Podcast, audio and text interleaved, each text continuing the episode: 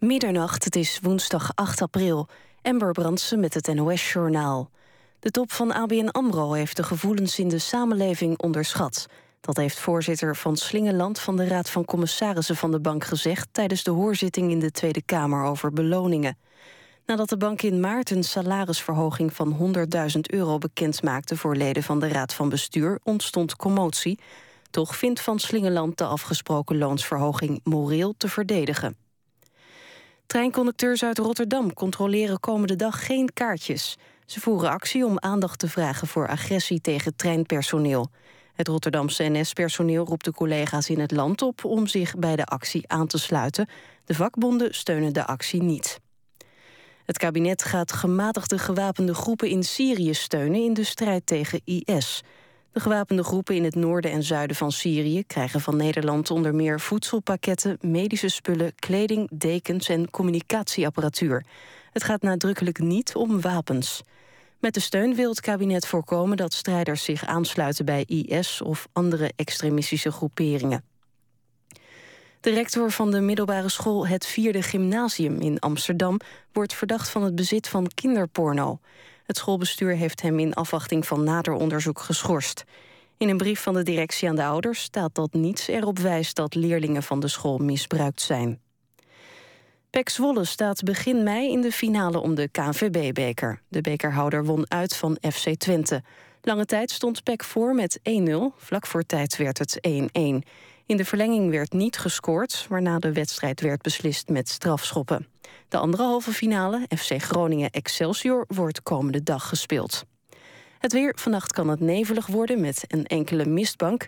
De minima liggen tussen de 2 en 5 graden. Komende dag eerst grijs, maar smiddags op de meeste plaatsen zon. Het wordt maximaal 12 graden. Dit was het NOS Journaal.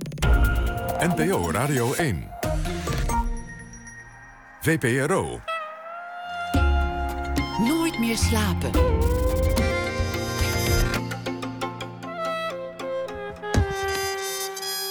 Met Pieter van der Wielen. Goedenacht en welkom bij Nooit meer slapen. Een leven tussen de robots. Hoe hecht zal dat worden tussen mensen en robots? Verliefd op een cyborg, zou dat kunnen? Een gesprek daarover na ene met hoogleraar Anneke Smelik. Zij is schrijver van het boek Ik Cyborg. Dan ook aandacht voor uh, componist Philip Glass. Hij schreef zijn uh, memoires. Maar we beginnen met Roland Fernhout. Zwarte Tulp is de naam van een serie waarmee uh, Videoland de markt van het online filmkijken hoopt te veroveren. Een soort HBO-serie, maar dan voor de Nederlandse markt.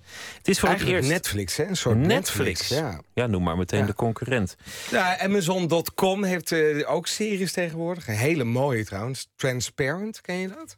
Nee. Oh, geweldig. Ik ben eigenlijk niet zo'n enorme uh, seriekijker. Ik maak even de inleiding af, want het is de eerste eh, speciaal voor de online markt gemaakte Nederlandse tv-serie.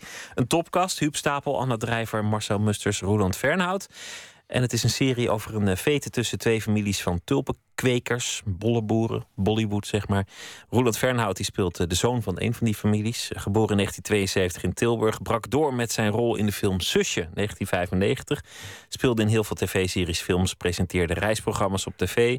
Heeft heel veel gedaan eigenlijk, maar zijn grote liefde is het toneel. Vast lid van toneelgroep Amsterdam.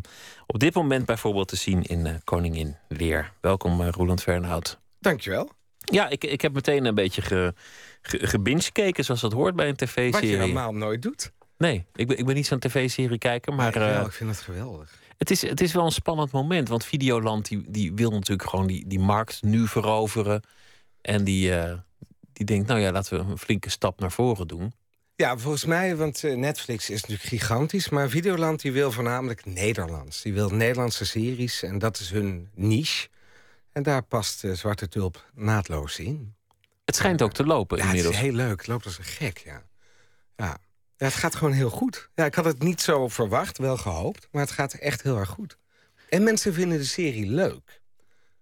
Nou ja, een, een, eh, een, fantastische Marcel Musters. En een, uh, eigenlijk iedereen uh, in, in vorm. En een, een, verhaal met heel veel lagen. En ook, ook hier en daar een beetje occult. Doden die blijven leven, blijven leven en, en, en terugkomen. En jij hebt zelf ook een prachtige rol. Namelijk een, ja, een beetje een, een kwaadaardige zoon. Met wie je ook wel weer te doen krijgt. Die, die het leven ja, maar een beetje volgt waar het gaat. Die niet echt de, de, de controle over de boel meer heeft. Ja, het is een beetje het zwarte schaap van een familie. Nooit echt eh, eh, ehm, erbij gehoord. En daarom is hij boos. Maar hij heeft een hele leuke vrouw, Carolien Spoor. Geweldige actrice ook. En eh, daar doet hij alles voor. Dan gaat hij door roeien en ruiten. Hij is alleen niet zo slim. Dus alles wat hij doet, mislukt. En zo loopt hij hopeloos vast met, met leugens aan de familie, met, met geld dat hij geleend Alles heeft. wat hij aanraakt, dat, dat verpest hij. En, uh, en beloftes. En hij is ook een klein beetje naar. En volgens mij vind jij dat heel leuk om te spelen. Ja, maar het gek, ik vind hem niet naar. Maar dat zegt misschien iets over mij. Hij houdt van zijn vrouw. Voor zijn vrouw doet hij alles. En de rest is dan minder van belang. Hij is niet zo slim. Maar hij heeft wel een goed hartje, denk ik. Als hij, mensen, als hij van mensen houdt. Als hij niet van mensen houdt, dan interesseert het hem helemaal niks. Maar ik bedoel, Naarlingen mag ik graag spelen hoor. Dat vind ik heel erg leuk. Nou, hij kan Maar een beetje, hij kan een beetje voordeel- een eh, van. Onaardig doen, een beetje pestig doen. Hij kan zich van sarcasme bedienen als het, eh, als het nodig woedend, ja, absoluut. Ja, wat heel leuk was, eh, eh, Anna Drijver, die ik heel erg leuk vind. Als wij een scène samen hebben, helaas niet veel. Ik vind haar zo stom. Alles wat ze doet vind ik stom. Ik haat mijn zus. Heel leuk om te spelen. Om, om die irritatie steeds boven te laten Ze komen. kan ademhalen en dan ben ik al woedend. Ja, heel irritant. Heel leuk. Deed me daarin denken, en, en eh, ja, dat zijn soort dwarsverbanden eh, aan, aan die eerste rol die je ooit speelde, zusje. Want dat was ook zo'n jongen die, die eigenlijk wel, wel, wel goeie was en met wie je wel te doen had. Hè. Je had die, is een film, sommige mensen weten misschien nog, een, een, eh, een broertje komt zijn zusje stalken met een camera. En dat is ook het perspectief van de kijker. En dat Ja, zusje was een- Kim van Koten. en dan, die, die had een vriendje. doorbraak. En Ja. dat vriendje die ja, denkt er het zijne van, maar dat is ook een beetje een vrijbuiter. En hoewel best een sympathieke jongen, kon die ook heel naar doen. Heel irritant. Ja, ik belde eh, toen ik deze rol eh, een beetje aan het doen was, belde ik Robert-Jan Westdijk, de regisseur van Zusje. En toen zei ik, nou, ik ben nou iets aan het doen. En voor mij is eh, Ben inderdaad een soort mengeling tussen Ramon uit Zusje en Goos uit Siberia. Dus inderdaad, in dat klimaat zit het wel, ja. Dus Iemand- vind ik heel leuk om te doen, want daar word ik niet heel snel voor gevraagd. Voor irritante rollen, want mensen vinden jou vaak nou, wel voor een aardig, beetje ik. eh, volks... eh, eh, dat. Dat was in het begin de verwarring dat ik op de toneelschool zat en, en zusje deed. En mensen dachten dat ik zo'n Amsterdamse wietrokend jongetje was. Wat ik helemaal niet ben, maar graag speel. Dus, eh, eh, ehm, en daarna was het een beetje zo zoeken. Wat moeten we nou hè, met die jongen als acteur? En nu weet niemand wat hij eh, eh, met me aan moet. Dus nu kan ik alles doen. Dus dat is dan ook wel leuk. Op een gegeven moment wordt dat een voordeel... dat je niet echt goed te plaatsen bent. Maar Ben Vonk is een van de leukste dingen die ik in jaren heb gedaan. En eh, Koningin Leer ben je momenteel in te zien voor toneelgroep Amsterdam. Eigenlijk je, je thuisbasis, je grote passie, het Ja. toneel. En ook daarin speel je eigenlijk Dat, is een, wel, dat vind ik een naarling. Dat is een verwende een- zoon. Met een zonnebril in zijn haar, die, die eigenlijk Ja. Leeft voor de poen en, en het eh materiële. Ja, dan probeer je dan nog wel iets in te spelen... dat die moeder ook niet altijd lief voor hem was. Maar in principe is dat een... een eh, eh, die vind ik wat eh, naarder dan Ben. Je, je hebt net gespeeld, hè? Het is ja, net ik kom eh, er voorbij. net vandaan. Ja. Net, eh, net race, je komt hier, Ja. komt hier binnen. Is, is- zit je dan nog vol adrenaline of, of was je dat zo van je af? Eh, nee, ja, wel. Ja, ja, gewoon moe. Ja, hele dag aan het werk. Ehm, nee, ja, ja, ik denk wel dat ik nog eh, toneel eh, eh, heb, zeg maar. Maar ja, als je hebt gespeeld, slaap je niet voor twee. Nee, het is, dat kan niet. Dan lig je niet meteen in. Het is niet, niet een gewone baan. Die heb je natuurlijk toch een beetje wakker gemaakt en op de plank gestaan. Dat is wat je volgens mij het allerleukst vindt. Van al die dingen die je hebt gedaan: film, eh, tv, eh, presenteren, ehm, reisseries. Nou ja, echt onnoemelijk veel rollen. Maar volgens mij is toneel uiteindelijk waar je voor zou kiezen. Nou, dat is wat ik wilde als jongetje. Dat wou ik graag. En eh, dat vind ik ook het mooiste. Het spelen is het fijnste op het toneel. Maar ik, ik ga stoppen met toneelspelen. Een jaartje. Een jaartje. Ja, ik ga op sabbatical, zoals dat heet.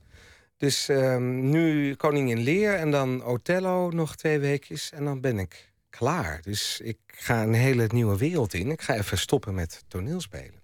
Maar wil dat zeggen ook stoppen met acteren voor, voor een camera? Of gewoon Nee. stoppen met de planken? Stoppen met de planken even, ja. ja ik doe dat vanaf mijn achttiende. En eh, dat, ehm, Dat is zwaar, het is veel. En ik heb zin in een nieuw avontuur. En eh, het is heel pril allemaal. Dus daarom schrik ik een beetje. Dat ik denk, ja, moet ik nou zeggen dat toneel... Maar... En dat is mijn grote liefde. En ik wil daarbij terugkomen. Maar ik hoop de komende vijf jaar andere dingen te doen. Waaronder schrijven, waar ik mee ben begonnen. Wat ik heel fijn vond om te doen. Goh, dat zijn uh, grote beslissingen. Hoe, hoe is dat ontstaan en wat was het moment dat je daadwerkelijk durfde te zeggen? En, en, tegen wie zeg je dat dan eigenlijk? Ja, tegen Ivo natuurlijk als eerste. Ivo van Hoven, dan loop je nou toe. Ja. ja. Het begon een beetje. Um, ja, dat is een proces. Ik heb dit jaar een musical geschreven, uh, Waanzinnig Gedroomd. Kinderen voor Kinderen, de musical. Dat vond ik vreselijk leuk om te doen. En daar wil ik wel meer van doen. Meer schrijven. En toneelspelen is heel intensief. Als ik dat doe, dat, ja, dat, dat overvleugelt bijna alles.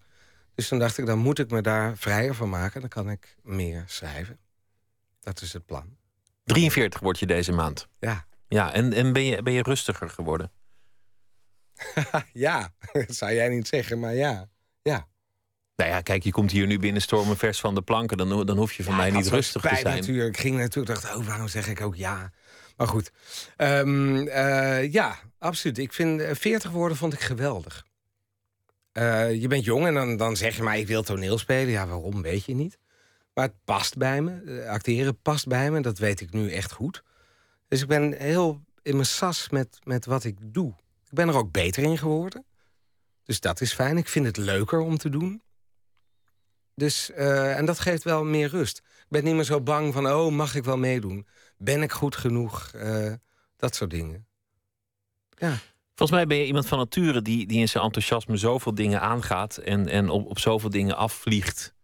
Uh, dat je af en toe jezelf ook wel in, in het verleden eventjes nou ja, hebt moeten terugfluiten. Of, of dat je gewoon keihard met je hoofd tegen de muur bent geknald. Nou, nou valt dat wel mee. Uh, maar ja, ik pak veel dingen aan. Uh, want dan, als je dingen doet, dan weet je of je het leuk vindt of je het kan. En ik ben niet bang om dingen fout te doen. Dus ik heb ook wel dingen fout gedaan. Maar ik heb daar niet zo veel spijt van. Alleen maar dat je er dingen van leert. En alles vindt zijn weg wel weer. Dus het is niet zo dat, dat, je, dat je tien dingen doet en dan ineens uh, halverwege de negende denkt: hoe ga, ik dit, hoe ga ik dit eigenlijk doen? Nee. Ik had wel bijvoorbeeld, ik had, uh, soms doe ik hele gekke dingen. Ik heb ooit een, een bandje bedacht, Bear One. Ik weet niet of je dat weet. En dat was een, een internet uh, hype en een ding. En dat, dat werd een dingetje. En toen dacht ik wel, ja, als ik al die energie die ik daaraan besteed... nou um, besteed aan dingen die ik kan... Hè, ik weet inmiddels dingen van theater... dat leek me slimmer. Dus daar kwam dan weer waanzinnig gedroomd uit voort. De musical die je geschreven hebt en, ja. nu, en nu dan het besluit van... ik ga eventjes een flinke hoeveelheid lucht in mijn agenda uh, stoppen... Ja. Om, om nieuwe dingen aan te gaan. Ja. Uh, anders, anders dan blijf ik dit maar doen. En dan is dat aan het eind mijn leven geweest. En misschien ben ik dat dan... is het ook. Het is gewoon, ja, ik wil een nieuw avontuur. Ik ben, ben 42 jaar. Ik wil ook... Anders was dit mijn leven. Dan, dan zit ik de rest van mijn leven bij Toneelgroep Amsterdam. Dat lijkt me niet gezond. Ook Nou ja. voor Toneelgroep Amsterdam. Hoewel, Nee, ja, nou ja, ja, alles kan. toch? Is toch Dat prima? Volle zalen, mooie stukken. Ja, applaus. Ja, applaus, daar doe je het nou echt niet voor. Nee? Nee, jij? Nou ja, bij de radio wordt gelukkig nooit geapplaudiseerd. En dat, dat klinkt gewoon niet mooi. maar dan, Bij deze. Ehm, ik zit er 15 jaar. Het is tijd voor iets anders. Zo simpel is het. We gaan luisteren naar eh, Billie Holiday, want het is vandaag een heugelijke dag. 100 jaar geleden werd zij eh, geboren en eh, ze heeft het niet meer mogen meemaken, maar het is een mooie reden om iets van haar te draaien. En Wat ga je draaien? ja, meteen maar een van de mooiste, Strange Fruit. Mooi.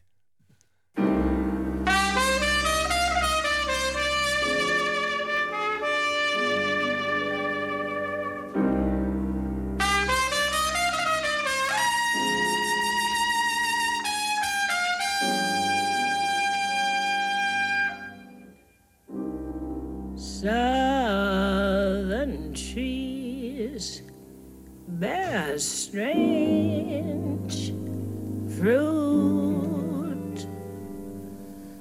blood on the leaves and blood at the root. Black bodies swinging in the southern breeze.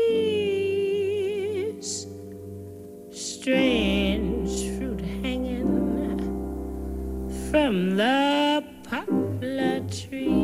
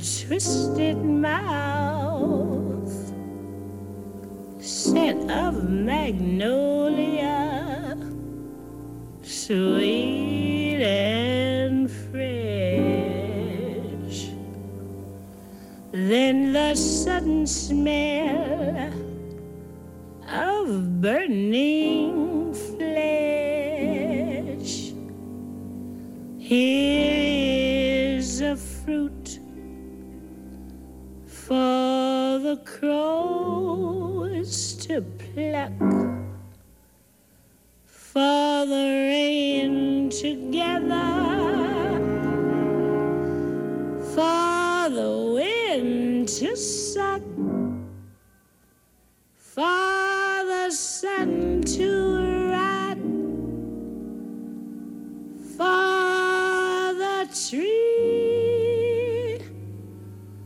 to drop.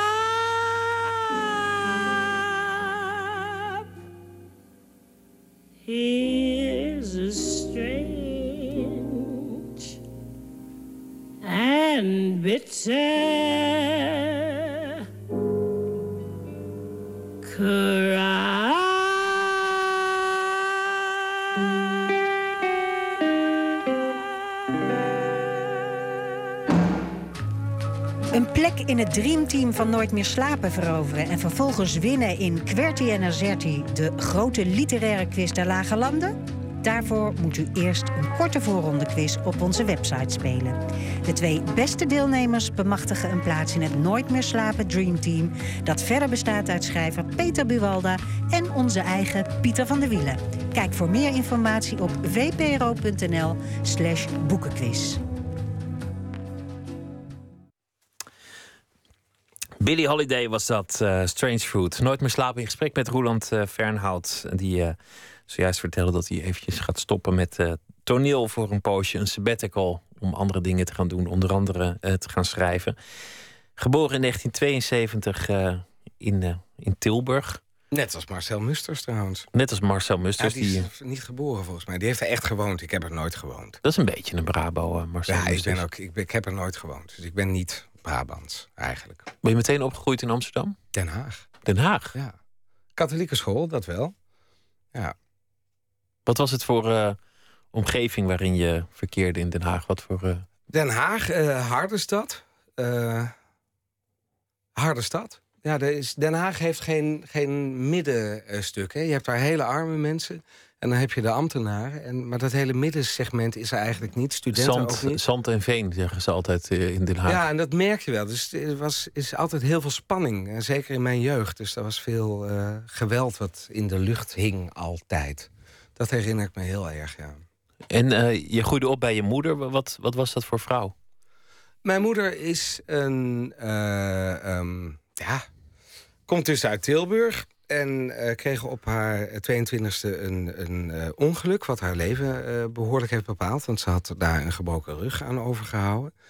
Eh, ze werkte toen twee dagen als tekenlerares. Dus dat was wat ze deed.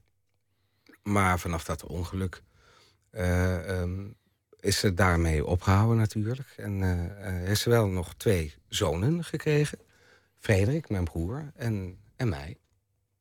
En wa- waar, waarin had ze last van, eh, van die gebroken rug? Lie- Liep ze, liep ze moeilijk of, of eh, was ze echt gehandicapt? Ja, mijn moeder is echt... eh, ge- ja, dit is een stom woord. Weet je, eh, ja. Ehm, ehm, mijn moeder ja, had kon ze- had heel ze- lang een soort van korte afstandjes lopen met twee stokken. Maar de, de, het leven heeft haar ingehaald. Dat kan ze nu niet meer. Omdat ze de, de kracht in haar bovenlichaam kwijt is. Maar mijn moeder was wel behoorlijk gehandicapt, ja. En je vader die... Wat, eh, wat ik een rotwoord vind, overigens. Nou ja, ja, hoe noem je het? eh, Ja, daarom, De- dat snap ik ook wel weer. Ze, ze, liep met, eh, ze liep met stokken en later lukte ook dat niet meer. En, en je, je vader die, eh, die woonde elders. Die, die, ja, je ouders zijn uit Mijn elkaar ouders zijn uit elkaar gegaan. Dat was ook een heel goed idee. En mijn vader is, die woont in Wassenaar. Die is hertrouwd met Ingrid. Geweldige vrouw. En, en happy. En heel goed. Maar dat betekent als jij ehm, woont met iemand die zelf niet alles kan, omdat ze met stokken loopt, dat, dat je eigenlijk al best wel een, een serieuze rol hebt, denk ik, als, eh, als kind. Want, want jij moet best wel veel opknappen voor, voor je moeder wat zij zelf niet kan. Ja, nou deed mijn moeder wel heel veel. En het raar is, je leert er heel veel van. Dat is het eigenlijk meer. Ehm, ik deed heel veel dingen zelf al op school. Dus zelf eh, eh, dingen regelen, omdat mijn moeder niet zo mobiel was. Dus dat was een voordeel. Eh, iets anders. Als kind, je situatie is je normaal. Dat is wat je kent. Dus als ik op het schoolplein moeders zag die konden lopen... dat vond ik totaal ongeloofwaardig. Een echte moeder kon niet lopen. Dat waren de goede moeders. Dat was jouw referentie, zo was Ja, jij dat gewend. ja. Ja, zo gaat dus, dat. Dus, dus dat wordt je normaal. Dus ik heb daar nooit eh, last van gehad. Eigenlijk alleen maar voordeel. Ik heb me wel later afgevraagd, ook omdat ze twee jong- jongens had... dat leek me niet eh, evident... hoe ze dat dan deed met oppakken en tillen en luiers. En ja, dat lijkt me eh, ingewikkeld. Dus ook wel een sterke vrouw. Ja, mijn moeder is loeisterk, ja. Ja, dat is dan ook gelijk weer een zwakte. Want, maar mijn moeder, die, die, die blaas je niet omver. Nee, die is loeisterk. Maar ja, toen vond je het normaal, want, want ja, je kent geen ander gezin. Het is, het is nou eenmaal de omgeving waarin je opgroeit. Maar als je nu terugkijkt, was, het- was het dan een, een, eh, een serieuze omgeving voor, voor een kind? Of, of was jouw rol als kind eigenlijk vrij serieus? Je bedoelt parentificatie. Nou, ik bedoel omdat dat je het eigenlijk wel een soort van verantwoordelijkheden hebt. Ja, dat, dat. dat je niet, niet, niet eh, Het stomme blijft is, hangen. en dat of- realiseerde ik me pas tijdens de première... Natuurlijk is dat een beetje aan de hand. Maar ik heb nu natuurlijk ook niet zoveel zin om, om eh, op de radio maar te zeggen dat dat zo aan de hand was. Maar dat is, als je in zo'n situatie zit, eh, is dat een aspect van eh, gewoon de dynamiek die je hebt met een moeder die niet alles kan. En, en een kind wat sommige dingen dan wel kan. Maar dat waanzinnig gedroomd, die Kinderen voor Kinderen musical. Op de première, en het gaat helemaal niet over mij, dat gaat over Guus en dat gaat over Daan. En, maar op de première dacht ik ineens, verdorie zeg, het gaat heel erg over mij. En parentificatie is, een, is wel een onder, onderwerp van, van waanzinnig gedroomd. En wat is parentificatie? Dat je, dat je als, als kind eh, een, een verantwoordelijkheid gaat nemen voor je ouder. Dus dat je eh, ehm, ouderlijk gedrag gaat vertonen naar je ouder toe. Dat. Kortom, ehm, mam heb je hieraan gedacht, of eh, mam heb je daaraan gedacht, of eh, la- laat mij dit maar even doen, Ja. want dat is voor jou eh, Ja. lastig. Ja, ik Gewoon- ga wel koken, dat soort dingen, ja. Heeft het je ook, ook iets gebracht? Alleen maar, denk ik. Ja. Mijn broer ook, dat zie ik ook. We zijn allebei. We werken loeihard en we pakken alles aan. En eh, we verwachten niet dat iemand anders het wel voor ons eh, zal doen. Dus eh, we zijn er sterk door geworden. Dus dat is heel fijn. Ja, jong verantwoordelijk geworden, jong op eigen benen en ook wel een, een soort mentaliteit eraan overgehouden eigenlijk. Ja, nou was mijn moeder er ook actief in hoor. Die zei ook van, dat moet je zelf doen. En het heeft ook met haar natuur te maken, niet alleen haar handicap. Dus je- is, maar dat is, maar dat, daar kom je niet uit. Wat, wat, in hoeverre zij gevormd is door haar handicap... of wat haar natuur is, dat, ja, daar, ja, daar kom je niet meer uit. Dat weet ik niet. Je hebt Soms nooit- fantaseerde over hoe was zij, hoe zou ze geweest zijn als. Geen idee. Heb je nooit meegemaakt? Nee. En heb je je ouders nog samen meegemaakt? Ja, ja. En, maar heb je daar herinneringen aan nog van, hoe- van hoe ze Die waren? hadden heel veel ruzie, dus toen mijn moeder Oh ja, zei was, van... was niet meer de leuke fase. Nee, nee, nee, nee. En toen mijn moeder... Dat weet ik nog heel goed. eh, niks dramatisch, van de echte goede beslissing. Maar mijn moeder die riep zich bij me... s ochtends voordat ik naar de, volgens mij de eerste klas iets ging. Zei, ja, eh, we gaan scheiden. En ik dacht gelijk, top idee. Heel goed. Hè? Dus, eh, maar dat herinner ik me wel, ja. Je, hebt, eh, je zei net dat je ook goed contact hebt met je, met je vader. Of Ja, dat leidde ik uit leuk. omdat je, dat je zijn nieuwe vrouw prees. Dus dan denk ik, nou, dan zou je, zou je die vader ook wel leuk vinden. Ja, mijn vader is heel leuk. Mijn moeder ook. Jong op eigen benen leren staan. eh, jong verantwoordelijkheid genomen. Daaraan overgehouden dat, dat je hard, hard kan werken. Is er dan ook een moment geweest dat, dat het van je afviel... en dat je gewoon lekker kon aankloten en, en, eh, en, en lapswansen en, en omfietsen... en eh, dat je even niks hoefde? Bijvoorbeeld nee, Toen maar... je uit huis ging of zo? Of...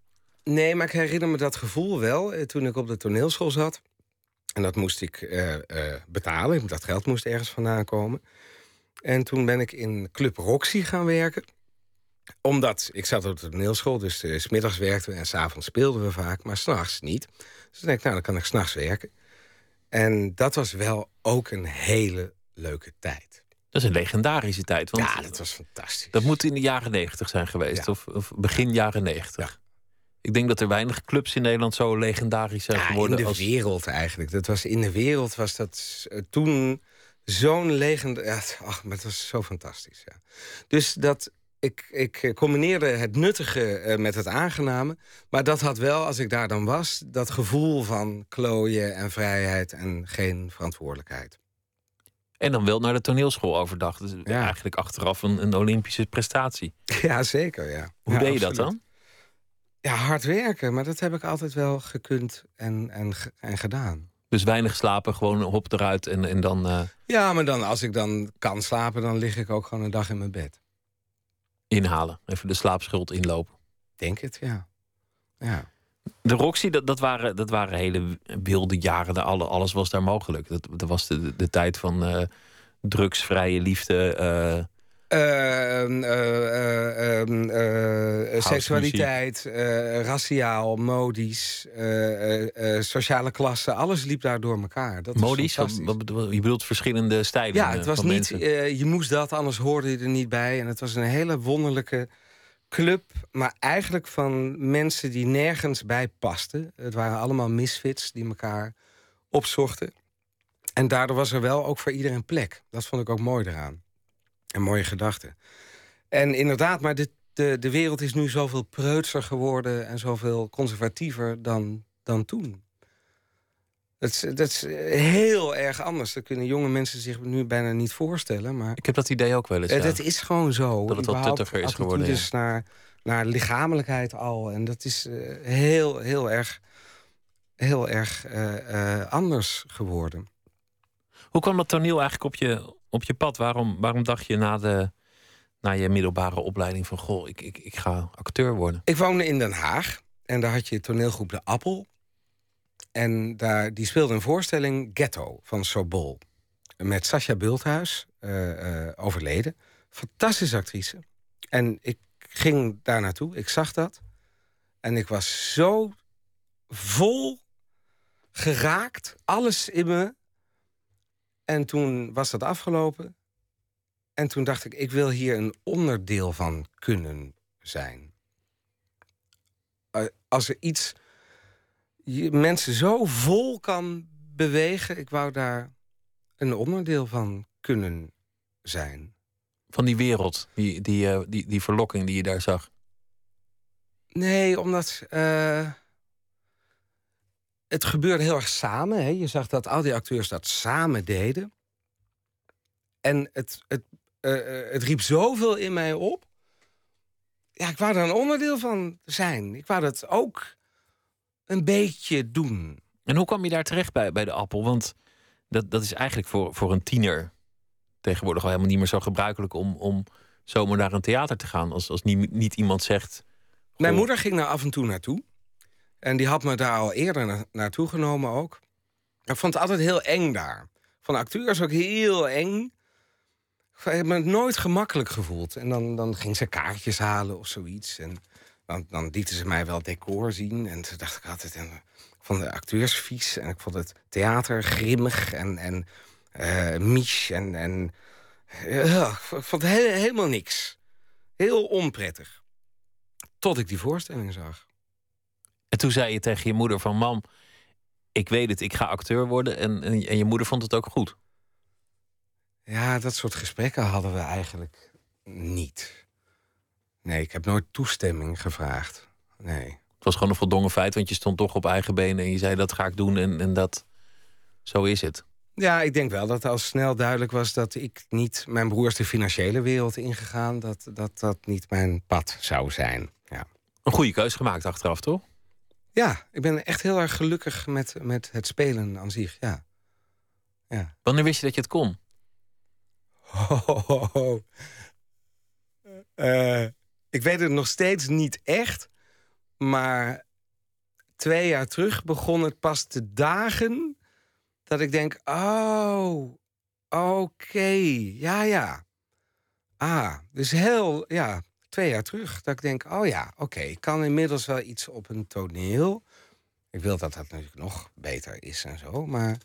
Maar dan had Ja. je dus al, eh, nou ja, weet ik het, 20 films en, en 15 series en, en 100 eh, toneelstukken gedaan. En, en toen pas begon het de dagen van: Goh, ik, ik kan het, ik heb het recht hier te staan. Ah, moeilijk hè, het recht hier te staan. Ja, Eh, ja, ingewikkeld. het- ja, ja. maar dat is wel het gevoel wat je hebt. Maar ja, uiteindelijk is denk ik ook hier te staan. Ga er gewoon maar staan en doe het maar. Maar ehm, eh, ja, maar hoe vaak hoor je acteurs niet zeggen... oh, en ik ben zo bang dat iedereen er doorheen prikt... en ik loop iedereen maar voor de gek. Dat is tot op heel grote hoogte is dat ook zo. Dat heel veel acteurs, en ik in kluis... eh, eh, tot aan Kitty Corbin aan toe... op heel veel fronten eigenlijk geen idee hebben... nog steeds wat ze nou eigenlijk staan te doen. Omdat het ook een best abstract beroep is, in die zin. Ja, is het een beroep? Dat vind ik ook al gek. Is het nou echt een beroep? Als mensen dan zeggen Ja, het vak of het wel. ambacht... oh, dat draait mijn maag zich al om. Nou ja, dat is het toch wel een beetje. Niet iedereen kan dat eigenlijk. Nou, ik weet nog niet of het een beroep is. Voor mij, en dat heeft ook heel lang geduurd... ik vind het echt, eh, voor mij is het kunst. En wat, waarom ik het graag doe... wat ik in mijn leven tegenkom, wat me verwondert... of wat, wat me pijn doet... daar maak ik iets anders van op het toneel. En dat vind ik de essentie van kunst. Dus ik neem het één en ik transformeer dat tot iets anders... eh, om dat te tonen, omdat ik geloof dat dat troost kan bieden. Dat is de essentie wat ik zelf denk. Ah ja, dat, is, dat snap ik van wat ik doe en wat ik wil. Als je niet zeker bent, eh, zo- zoals je dat jarenlang was, of je het wel kan. Hoe heb je het dan voor elkaar gekregen om het te doen? Hoe, hoe ging je dan elke avond het podium op als je eigenlijk niet helemaal overtuigd was van, van je eigen kunnen? Eh, speldrift, spelplezier heb ik altijd gehad. Ik vind het leuk, leuk om te doen. Ik vind het ook spannend om dingen te doen die ik dus nog niet kan. Ehm, dat. En ik, ja, ik, hou, van, ik hou echt van, van toneel. Ik hou van spelen sowieso. Dus je had er, je had er wel lol in. Het was niet, niet een opgave. Ja, maar ik vind het wel veel leuker nu. Echt maar heel veel leuker nu. In, in- zeker in de beginjaren was er altijd een soort lijden. Dat speelde ik dan ook mee, daar maakte ik dan maar wat van. Ja. Dus dan werd het, het, het dat wat ik zelf dan... Ja, ik maakte het tot onderwerp van, van rollen. Niet heel zuiver eigenlijk, hè. Maar bon. Maar ja, wat is er mis mee, toch? Nou, dat vind ik. dit, eh, De jonge generatie nu, er komen nu zulke leuke jonge acteurs aan. Die hebben dat helemaal niet. Die hebben helemaal niet dat gevoel van. Oh, ik hoop dat ik recht heb om er, om er te staan. Die denken gewoon: oh, leuk toneelspelen. Oh, dat ga ik doen. En sommigen zijn zo onwijs goed. En die hebben dus niet dat. eh, oh, ik hoop dat ik mee mag doen. Of oh, ik hoop dat ik er mag zijn. Die denken gewoon: oh, ik heb daar zin in. Dat ga ik doen. Het is een geweldige generatie die eraan komt. Echt heel leuk. Het is. Dat is eigenlijk iets, iets merkwaardigs. Dus als je te veel ontzag hebt voor hetgeen je doet, dan, dan wordt het eerder een handicap dan dat het je helpt. ja, dingen die. Er was een meisje op de toneelschool. Volgens mij heette ze Marieke. Die was goed. Alles wat ze deed was fantastisch. En ik dacht, ik ga geiten kweken in Frankrijk. Dit kan ik wel. Dus dat is ook het rare. Je moet iets hebben wat je niet kan. Daarom blijf je het doen. Maar je kan voor hetzelfde geld stellen... dat de allergrootste ta- talenten ons zijn ontvallen. Want die denken, oh ja, dit kan ik wel. Dit kan ik wel, ik ga nu iets anders doen. Ja. En dat is ze ook echt gaan doen. Heeft nooit gespeeld. Dit Is is, dat een, eh. Is dat een gevaar dat nu ook bij jou speelt, nu je, nu je weet dat je het kan? Nee, want ik hou zo onwijs van toneel. De fysieke ervaring van een voorstelling spelen... daar, daar kan geen film tegenop. Hoe is het om, om, eh, om, om rustiger te worden? Want, je- want je wordt altijd omschreven als een onrustig iemand. Je omschrijft jezelf ook vaak als, als, een, als iemand die, die, die een zekere onrust heeft. Maar net zei je, ja, dat, dat, dat gaat er eigenlijk wel van af en dat is wel goed. Ja, het raar is dat mijn lijf niet echt meedoet met, eh, met die rust. En of misschien dat mijn geest rustiger wordt en ik meer inzicht krijg in, in hoeveel onrust ik überhaupt genereer. Ehm, ik heb een tijdje gedacht van, oh, hé, ik heb dan ADHD of weet ik wat ik heb. Daar moet ik maar eens achteraan. En toen ben ik zelfs een, een centrum ingelopen. Maar dan moest ik me eerst ergens melden. Ik dacht, nou, laat maar. En nu ben ik zover dat ik denk, ik, het interesseert me niet. Ik ben 42 jaar. Ehm, mensen werken graag met me. Mensen worden ook soms een beetje gek met me, van me.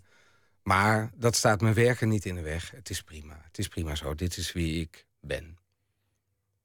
Ik ga niet aan de, aan de Ritalin om andere mensen een, uh, een makkelijker dag te geven. Nou ja, wat, wat, wat, ja, of je dat dan meteen een diagnose moet geven. En ik bedoel, het heeft je gebracht waar je bent. Dus, dus uh, en ja, waarom zou dat meteen farmaceutisch Die, die diagnoses vind ik ook vind ik een beetje de ziekte van de tijd. Dat je al snel wat hebt. Dat vind ik ongezellig. Ja, en dan heb je uiteindelijk heb je genoeg pilletjes dat iedereen een beetje op hetzelfde lijkt. En, uh, en ja. in dezelfde dat, Ik heb Michiel de Ruiter uh, vorig jaar gefilmd. Dat was uh, een belangrijk ding erin. Want Roel René, die houdt blijkbaar van types die wel druk zijn. En dan zaten er heel veel in de film. Dus dat was heel leuk. Ook gehuild van het lachen. Dus dat was ook een goed ding. Dat ik dacht, oh ja, komt allemaal goed. Tigo, ook uh, Tigo Gernand, ook druk. Dus daar heb ik het veel mee over gehad. En voor mij was dat de sleutel. Ik dacht, oh, dit is, ik ga dat... Ik ga niet een, uh, een diagnose zoeken. Dit is het gewoon. Dit is wie je bent en mensen werken je met... en ze moeten het er maar mee doen en, en, het, en het werkt. In de, in de liefde ben je volgens mij niet onrustig. Nee, maar ik ben sowieso heel trouw. In uh, toneel op Amsterdam ben ik niet onrustig. Nou ja, nu dan een beetje. Maar dat is ook 15 jaar. Nou ja, je zegt meteen ik kom terug. Dus, dus dat, dat vind ik eigenlijk heel rustig. Nou ja, kijk, ik, ik, ik bind mij heel graag aan mensen. Ik werk heel graag veel met mensen. Want als je meer met mensen werkt, wordt het beter. Uh, ik heb mij Gerrit-Jan Reiners verbonden. Daar, daarom kwam ik bij Toneel op Amsterdam. Uh, um, daarvoor werkte ik al met Ivo. Die kwam toen naar Toneel op Amsterdam. Toen heb ik me aan Ivo verbonden. Met heel mijn hart en ziel. Ik vind hem een geweldige kunstenaar. En ik vind dat, want hij heeft heel veel succes nu in de wereld. Gaat ook andere dingen doen, met David Bowie werken en dat soort dingen. En daar ben ik zo blij mee en trots op. Vind hem echt geweldig. Dus ik, ik verbind me graag aan mensen. En als ik dat doe, dan, dan is dat lang, wat mij betreft. En hoe lang ben je al met, uh, met je geliefde? 25 jaar. Nou, 24, maar meer. Ja, ja. Voor iemand van 43 is dat, is dat een enorme poos, toch? Vanaf mijn 18, ja. Die heeft, die heeft dus alles meegemaakt. Ja. Alle fases, alle bevliegingen, alle, alle zijpaden, noem maar op. Die, uh, jullie, zijn, jullie zijn altijd samengebleven. En, ja. en uh, ja. dat, dat is best bijzonder, toch, in, de, in deze tijd? In het begin dacht ik ook, oh, ik moet een kunstenaar zijn... en ik moet bohemien en ik moet liefdes hebben en dat soort dingen. Dus in het begin vond ik dat allemaal best lastig. En ik ben nu zo ongelooflijk blij. Want je echt aan iemand verbinden, echt, echt voor iemand kiezen... dat is veel spannender en, en uitdagender dan, dan, dan, dan uh, welke liefdes je ook maar kan tegenkomen, denk ik.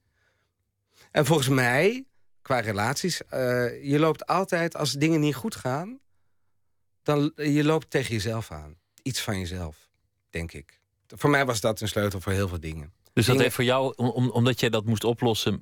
En je, je, had toch besloten van ik doe dat met haar. Of zij hadden besloten, jullie hadden het samen besloten. Of zo, zo liep het. Dan moest je, moest je uiteindelijk ook heel veel ellende van jezelf oplossen. Dus het heeft jou. Nou, heel veel ellende. We hebben een, een vrij harmonische uh, relatie eigenlijk. Nou ja, in, el, ik bedoel, in elk niet leven zo is ellende. ook. Dat is ook zo fijn. Jullie hoeven niet zoveel te ouwe horen Nee. zoals hier. Ja. Nee. Nee, dat vind ik best leuk. Maar als je problemen hebt, niet veel praten. Even zeggen wat het probleem is en dan je bek houden en wachten tot het over is. Dat is mijn relatieadvies. Serieus, dat is echt een goeie. Maar, maar in, in zoveel jaar kan, kan ik me haast niet voorstellen dat niet, niet het hoofd draait. Of dat, of dat je, dat je eh, hals over kop verliefd wordt. Of, of dat er ineens vlinders word in de niet buik snel zijn. verliefd. Nee? Nee. Nee.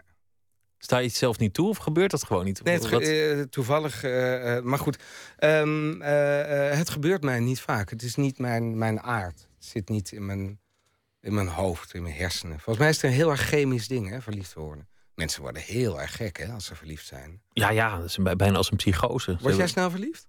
Nou, eh, met, met jaren minder. Maar dat, dat schijnt wel natuurlijk. Ik ben, eh, ben ongeveer jouw leeftijd, eh, 41. Oké, maar ja. maar kan, Ja. kan wel ontzettend verliefd worden zo af en toe. Ja. Ja, dat, Maar dat zijn- in mijn dat leven een psychotische toestand, Ja, hè? dat, ja, dat zeggen ze. Stofjes, stroompjes, Ja. hormonen. Ja. Nee, ik heb dat godzijdank niet, niet zo. Nee. Grappig, omdat, je, dat je onrustig bent, enthousiasmeerbaar. Omdat, omdat je eh, nou ja, de hele nacht in de, in de Roxy vol het leven proeven. En dan 's ochtends door naar de Nou, ik was ook aan het toneelschool werken. Ik was gewoon glazen halen. glazen aan het halen. Ja. Ja. dat is waar. Dus dat, dat, Ja. dat helpt. Het was ook gewoon, een, ook gewoon een baantje. Het was ook weer iets gedisciplineerds. Maar je, je maakte wel deel uit van die kring als je daar glazen haalde. Ja, ja, nee, je ziet veel mensen. Nee, maar ik word gewoon niet zo snel eh, verliefd. Nee. En vrienden? Eh, Zijn, dat ook nog dezelfde vrienden uit je, uit je jonge jaren? Eh, niemand van de middelbare school. Nou, wel, nu wel weer een beetje eh, Facebook-contact. Dat is leuk daaraan. Van de DDV in Arnhem, wat ik heb gestudeerd, nog een paar mensen. Dus, dus hoe lang is dat geleden? Ja, ook 20 jaar. Nee, 26 jaar. Ja. Dus ja. Maar ook, ook echte vrienden, niet veel. En leid je eronder als, als, als Nee. mensen, mensen weggaan... of als, als mensen een ander pad gaan... of als een vriendschap op is Ja. of als er dat soort dingen? Maar dat gebeurt Heb ik natuurlijk dat ooit gezien? Hoe weet je dit? Ik Nee, maar dat vraag ik me af, omdat, omdat dat gebeurt natuurlijk. Je kan niet doorgaan met je middelbare schoolvrienden... want sommigen worden gewoon vervelend. Ik zat in een voorstelling en met een, een collega, ik zal zijn naam niet noemen... en die had zoveel liters verdriet, want zijn meisje ging bij hem weg. En die dumpte hem.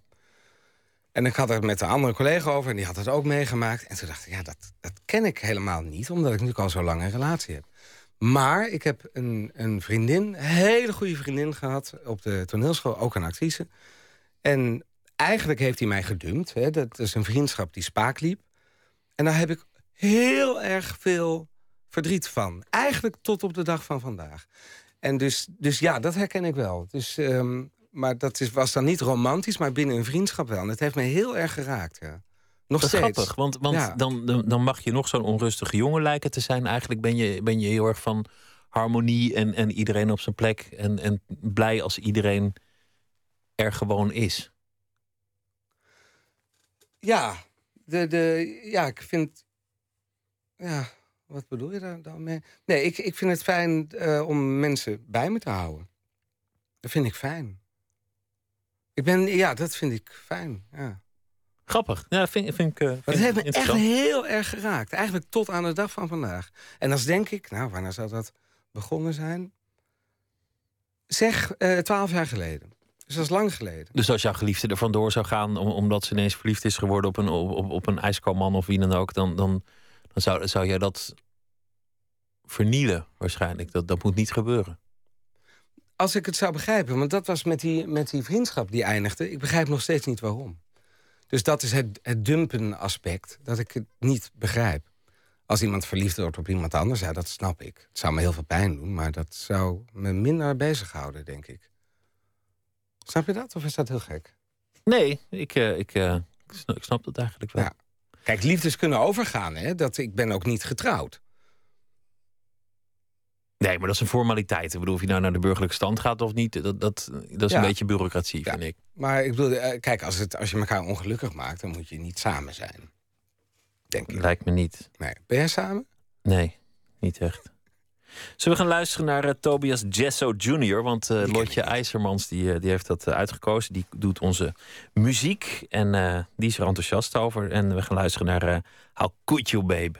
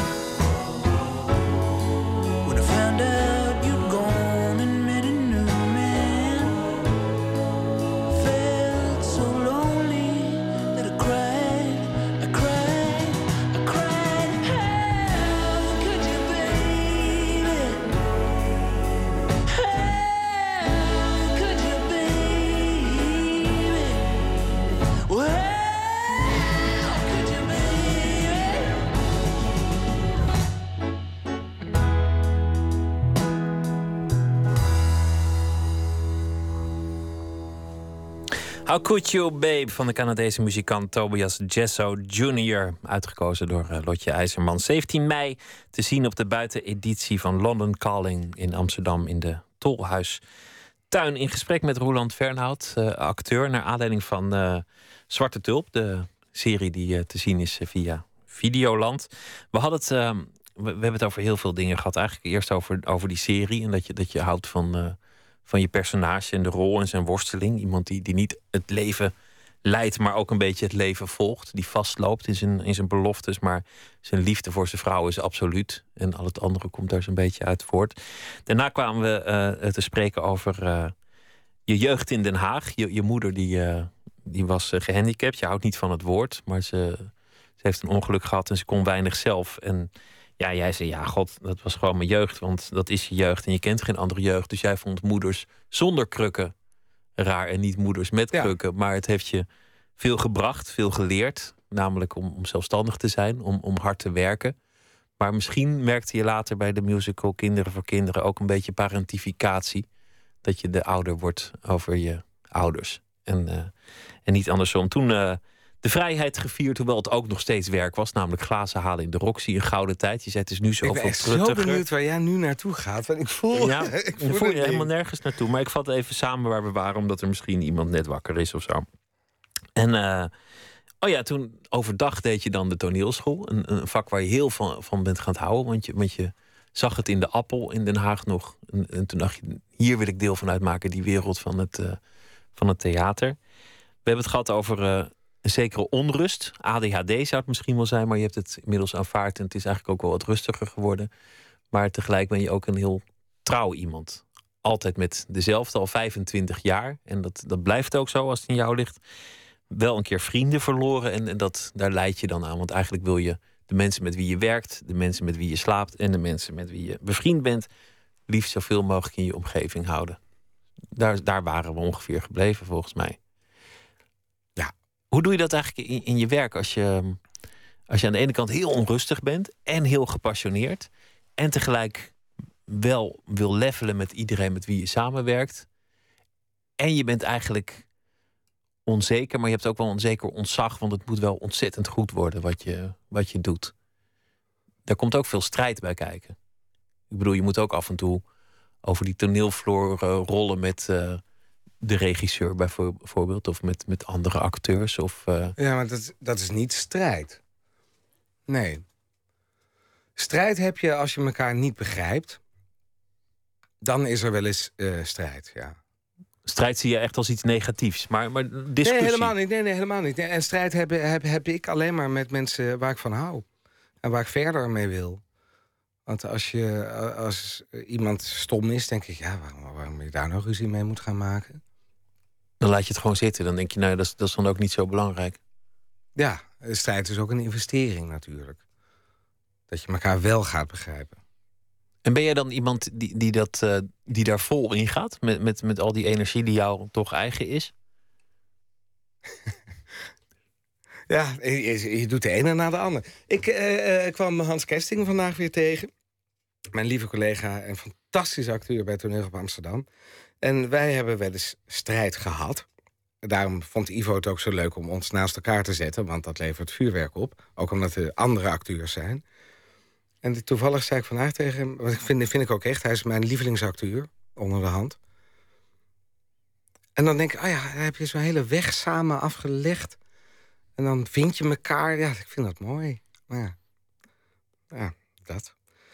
Uh, dus dan, die strijd leidt tot iets. Dat vind ik fijn. Dat, dat is gewoon het proces van mooie dingen maken... is, is dat je elkaar nou ja, ook, ook het af en toe een beetje moeilijk maakt. Of, of, uh... Nou ja, vergis je ook niet bij Toneel op Amsterdam. Uh, dat zijn bijna relaties, hè? Ik, ik heb Hans Kesting meer gezien de afgelopen twintig jaar dan, uh, dan mijn lief. Ik bedoel, je, je, we zijn zo intensief samen. Dus dan, dan, dan resoneren we ook allemaal andere dingen mee. En dan ook, je groeit ook op. En, en, maar en ook we zijn intense... Um, um, uh, relaties, intense werkrelaties. En ook allemaal wel intense personen volgens ja, mij. Ja, natuurlijk. Ja. ja, iedereen is gek. Ja. Want die Hans Kesting, die, die, die, die was ook niet zo lang. gek. Nou, het is ontzettend, ontzettend amabele man. Was hier, was hier laatste gast. Maar wel iemand met een, met, met een enorme drive en energie. En groot. Groot. En luid. afgetraind. En uh, ja, nee. Ik hou van hem. Ik kan er niks uh, anders van zeggen. Maar daar hebben we wel, we hebben wel zo dat, dat, dat, dat het ja, schuurt, zeg maar. Dat hebben we wel echt gehad. Slaan met de deuren, weglopen, dat soort dingen? Bijna. Maar het stom is, met Hadewig Minus heb ik dat ook, ook een redelijk explosieve relatie. Het is ook, het is ook chemie. Het is ook wat je uh, allemaal samen. Ik hou zoveel van haar ook. En dat is ook, ja als die strijd, dat heb je alleen maar met mensen waar je van houdt. En als dat er dan toe leidt dat je elkaar wel gaat begrijpen. En dan aan het eind van de dag elkaar weer in de armen vallen en, en hopen dat het een, een mooie voorstelling wordt. Dat is eigenlijk. Nee, hopen, nee, nee, nee. Het gaat dan nog eens over de voorstelling. Hopen dat je elkaar nog ziet in het leven en, en elkaar begrijpt. Nee, het gaat veel meer over het leven, ja. De mensen die ertoe doen, die. die Werk die wil is je toch alleen maar een manier om mensen te ontmoeten? Nee, eigenlijk. Mensen uh, werken is een manier om jezelf te ontplooien en geld te verdienen. En, en dan Ja. ontmoet je ook mensen en dat kan leuk zijn. Begrijp jij wat jezelf ontplooien is? Ik heb, begrijp dat eigenlijk helemaal niet. Nou ja, een soort blauwdruk van jezelf achterlaten of iets vinden waar je goed in bent, dat, dat genoeg waarde heeft om uit bed te komen, kan van alles zijn. Nou, voor, voor, voor mij, dit is alleen maar liefde. Liefde voor wat je doet, liefde voor de mensen om je heen. Dat is het enige wat van belang is. En strijd heb je alleen maar met mensen waar je van houdt. Want dan kan het ergens toe leiden. En anders dan, dan blokkeer je het gewoon, dan, dan, dan laat je het achter je. Ja, absoluut. Heel makkelijk tegenwoordig ook. Ja? Ja. Ja. Gelukkig. Grappig. Ja. Maar, je- Maar niet interessant, niet leuk. nee, maar je zei niet. wel, maar als, als de mensen om wie ik geef, als, als dat dan niet werkt, dat, dat, dat laat je eigenlijk niet meer los. Dat, dat blijf je bij je houden. Ja, omdat ik dat nog steeds niet begrijp, ja. Maar het is uitzonderlijk, hè? Dat gebeurt niet veel. Je zei, ik ga een eh, sabbatical nemen van toneel, want ik ontdek nieuwe dingen die ik leuk vind. Zoals het, eh, het schrijven. Dat heb je dan gedaan voor eh, de musical Kinderen voor Kinderen. Ja. En dat is eigenlijk ook wel interessant om, om ineens nieuwe paden in te gaan. En heb, je, heb, je, heb je enigszins een beeld van hoe je, aan, hoe je leven eruit zou moeten zien? Want je zegt nu van, van ja, uiteindelijk gaat het mij om de liefde. Dat vind ik het belangrijkste. Zelfontplooiing, ja, ik weet eigenlijk niet zo goed wat het is. Nee, want liefde is altijd naar anderen, hè? Naar iets, naar iets.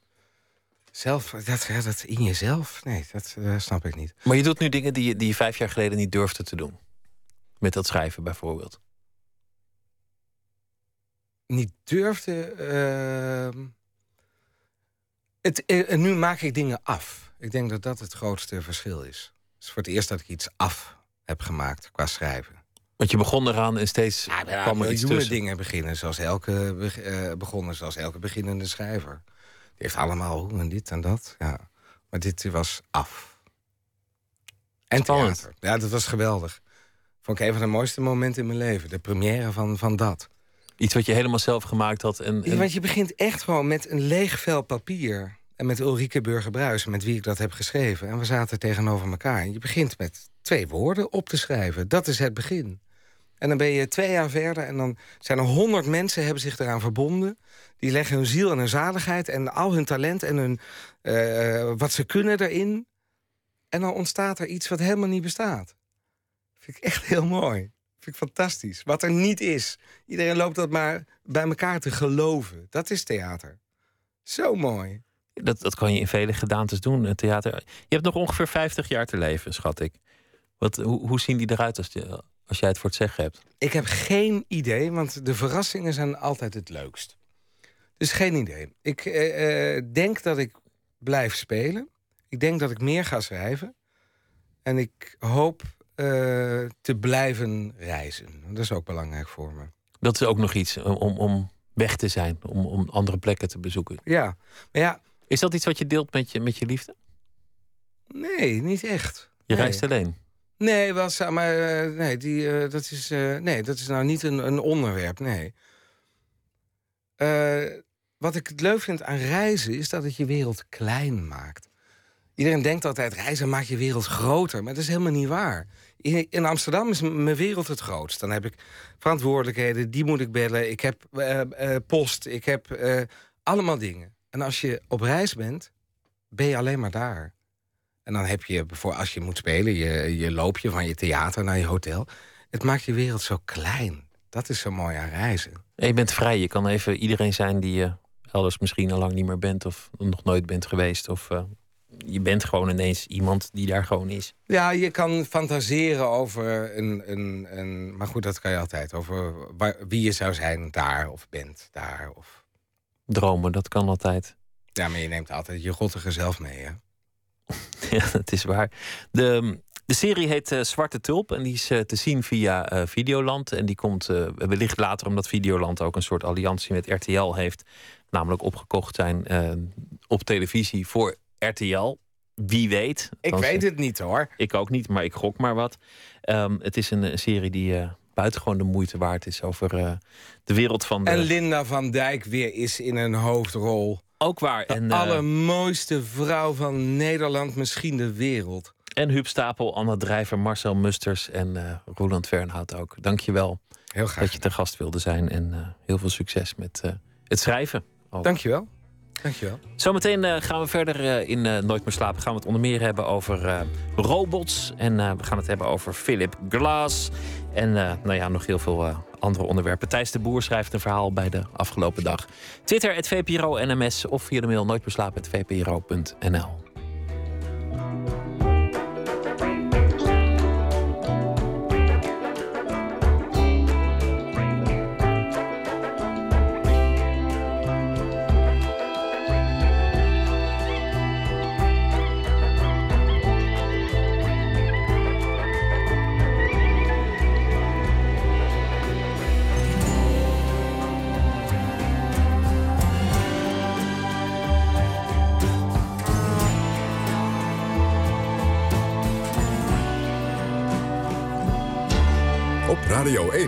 Het nieuws van alle kanten.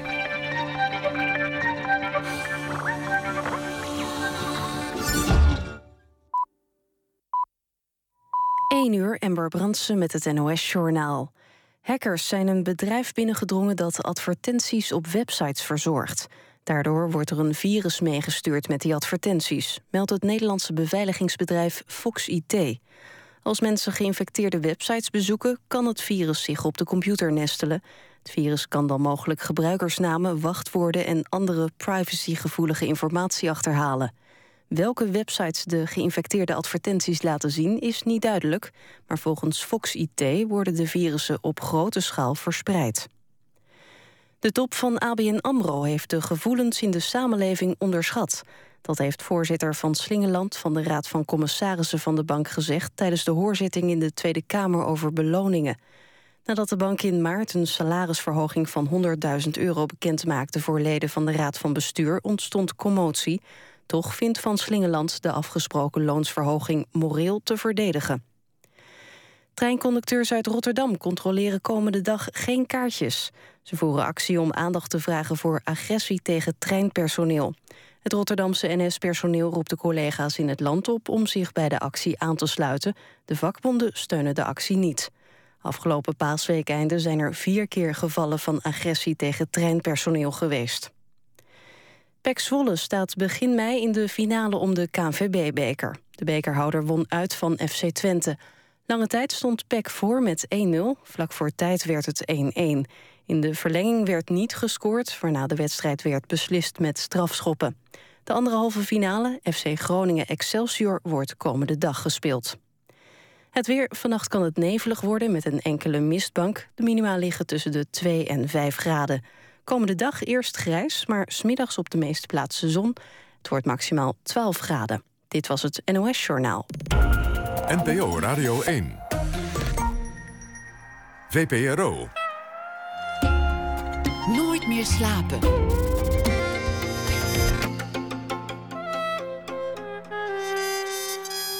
Met Pieter van der Wielen. U luistert naar Nooit meer slapen. Thijs de Boer is uh, schrijver. Hij zal uh, deze week elke nacht een verhaal voordragen dat hij uh, speciaal voor dit programma schrijft.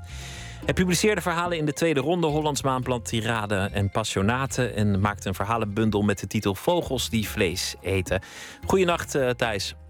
Goedenacht Pieter. Vertel eens over de afgelopen dag. Um, nou, het was. Uh, uh, ik las vanochtend dat de, de oudste persoon ter wereld weer is overleden.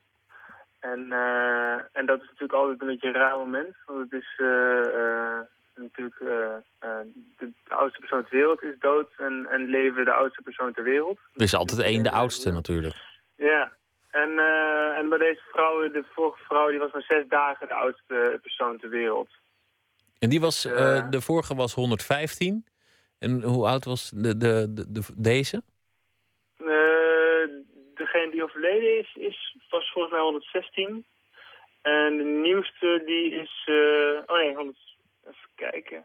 En de nieuwste is volgens mij 115. Oh, oké. Okay. Houdt heel erg van vissen. En is die, is die nog een beetje bij de, bij de pinken? De, die de nieuwe? bij de pinken. Ja, die houdt heel erg van vissen en die is heel actief. En uh, ze vond het heel verdrietig nieuws dat die andere was overleden. Maar ze vond het ook wel leuk dat zij de, de oudste was nu. Ja, en dat zijn nog maar de mensen van wie het bekend is wanneer ze geboren zijn. Want in driekwart van de wereld wordt dat natuurlijk helemaal die netjes bijgehouden. Ja, precies. Ja, nooit zeker. Nee, goed. Maar, uh, maar daar heb ik dus iets over geschreven. En uh, mijn vriendin en ik zijn veel in Frankrijk. en als we daar huren, dan huren we een klein huisje in een heel klein dorpje. Een dorpje van zo'n twintig huizen. En onze huisbaas, huisbaas daar is, is meneer Farge. En hij is de oudste inwoner van het dorp. En, en in dat universum van het dorp is, is hij zo'n beetje de oudste persoon op aarde. Um, en over hem heb ik een verhaaltje geschreven. Ga je gang. Meneer Farge. Meneer Farge komt aan bij mijn voordeur en gebaart dat ik mee moet komen. Meneer Farge is 83 jaar en is de oudste, oudste van het dorp. Hij zegt het ook vaak. Ik ben de oudste van het dorp. En dan haalt hij zijn schouders op. Ik moet meekomen naar zijn tuin, waar zijn grasmaaier staat. Zo'n grasmaaier waar je op kan zitten. We gaan één keer per week tafeltennissen, meneer Farge en ik. Meneer Farge heeft in de schuur zelf ooit een pingpongtafel gemaakt met precies de goede maten. Hij vindt het leuk om met me te pingpongen. Het is goed voor zijn bovenlichaam, zegt hij. Hij is niet zo mobiel meer, dus ik speel de bal altijd terug zodat hij erbij kan. Soms speel ik hem per ongeluk te veel in de hoek en dan kan hij er niet bij. En dan slaat hij zichzelf met zijn pingpongbedje op zijn hoofd. Alsof het zijn eigen stomme fout is dat hij hem gemist heeft. Soms zeg ik dan sorry, maar dan zegt hij... nee, nee, het was een mooie bal. Hij wijst vaak naar zijn hoofd en zegt 20 jaar. En dan wijst hij naar zijn lichaam en zegt hij 80 jaar. Ik corrigeer hem dan en zeg altijd dat hij al 83 is. En dan moet hij lachen en houdt hij zijn schouders op. Ik sta naast de grasmaaier Ik sta naast de grasmaaier waar je op kan zitten. En meneer Farge gaat op de grond liggen en laat zien hoe je hem schoon moet maken. Ik wil helpen, maar het mag niet. Ik vraag het enkele keren, maar hij zegt geen sprake van. Ik heb geen idee waarom ik mee moest komen. Ik sta er een beetje verloren bij, vooral omdat ik, jong ben en een oude man op de grond ligt en al het werk doet. Dan gaat meneer Farge op zijn grasmaaier zitten. Hij wijst naar een huis verderop en vertelt dat daar iemand een paar maanden geleden is doodgegaan. Hij haalt zijn schouders op. Iedereen is dood, zegt hij. En nog steeds zonder te weten waarom ik mee moest komen, rijdt hij op zijn grasmaaier weg. Dat was. Een oude man nog volop in het leven. En uh, ja, mensen worden steeds ouder. Ze zeggen dat uh, de eerste persoon die 150 wordt, nu al in leven is. Ja. Het zou toch mooi zijn om, om dat mee te maken als je het in goede conditie kunt doen, althans. Ja, maar ik, ik, ik zat er wel over te denken, want zeg maar, dan, dan, als je de oudste wordt, dan heb je dus iedereen die leefde toen jij net geboren was, werd, uh, is, is overleden. Er zit ook iets heftigs, want heel de wereldbevolking ververst, zeg maar dan, in, in, in heel jouw leven. Dus uh, ja, ik weet niet of, of iedereen die heel oud wordt, uh, dat, dat ook, ook daarvan kan genieten, zeg maar. Je ziet wel een heleboel mensen ook wel weer om je heen overlijden. Dat is waar, maar... Misschien, de... ben ik, misschien ben ik weer een beetje te donker, hoor. Nee, maar als je, je, je, moet, je moet mee blijven gaan dan. Ik bedoel, de, de prijs die ervoor betaald is, is misschien hoog. Maar het lijkt me ook wel weer gaaf als je bent geboren in, uh, in 1900... Dat je, dat je alles hebt zien komen en gaan en ontwikkelen. En als je dat, uh, als je dat allemaal Ja, mag meemaken. Ja, zeker, zeker. Ja, er zijn nog drie mensen, geloof ik, die uh, voor 1900 zijn geboren. Drie mensen die leven. Goh. Nou, we hebben een uh, nieuwe oudste persoon uh, ter wereld. Dankjewel, uh, Thijs de Boer. En Graag gedaan. een hele goede nacht en morgen weer een verhaal. Hetzelfde, tot morgen. Dana Koorts komt uit New Jersey in de Verenigde Staten. Woont er weer een tijdje in New Orleans. En ze heeft een nieuw album uitgebracht met de titel Rise and Fall. Waarop we het nummer vonden A Few Confessions. Sometimes asleep I dream I'm in love with other men. With a we're the stranger, once with your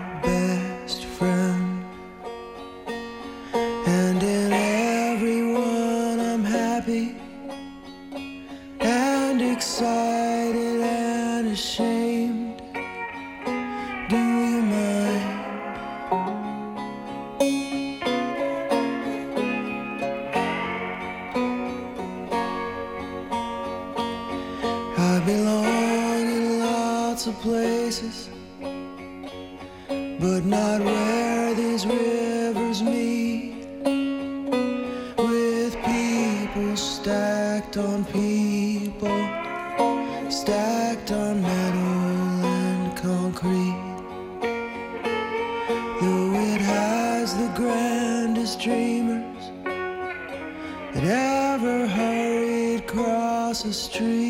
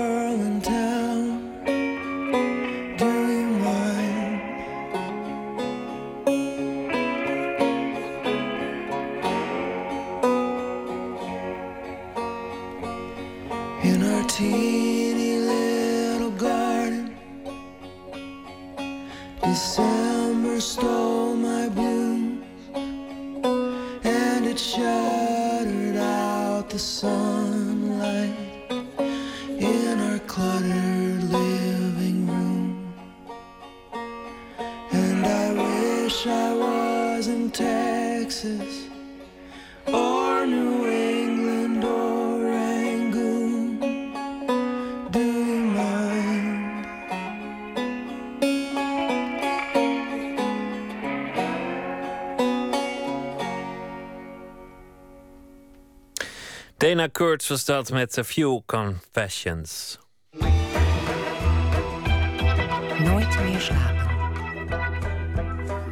De robots eh, komen eraan. Ze zullen steeds meer deel uit gaan maken van ons leven. Maar wat voor relatie eh, gaan wij mensen eigenlijk houden met eh, de robots? Zullen we van ze houden? Zullen ze ook van ons houden?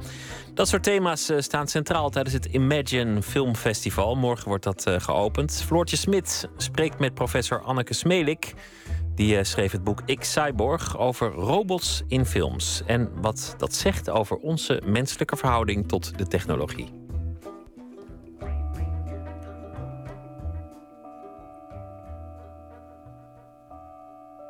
Stel, het is avond. Je bent alleen op een hotelkamer. Je verveelt je een beetje. En je gaat eens kijken of er wat te beleven valt op de datingsite Tinder. Hallo? Mag ik je een paar vragen stellen? Ik wil je graag leren kennen. Ben je ooit verliefd geweest? Waar zou je me willen ontmoeten? Jackpot moeten ook de bezoekers van South by Southwest hebben bedacht. Maar het was reclame. Voor deze film. Hello. Hi. I've never met anyone new before. Have you? None like you. She's incredible. The challenge is to show you that she's a robot and then see if you still feel she has consciousness. Ex Machina is dit. En het is de openingsfilm van het Imagine Film Festival. Robots staan daar centraal dit jaar. En dat is niet zo gek, want onze fascinatie voor mensmachines blijkt al ruim een eeuw uit films. Professor Anneke Smelik, schrijfster van het boek Ik Cyborg, weet waarom. Ze lijken zo op ons, maar ze zijn natuurlijk toch anders. En die andersheid, dat wordt dan altijd onderzocht. Hoeveel lijken ze op ons? Waar zijn ze anders? Ehm, ja, en, en, en waar gaat dat goed of fout? Without you, what could he do? There's no limit to what he could do. He could destroy the Earth. All vehicles, close in. Let's go.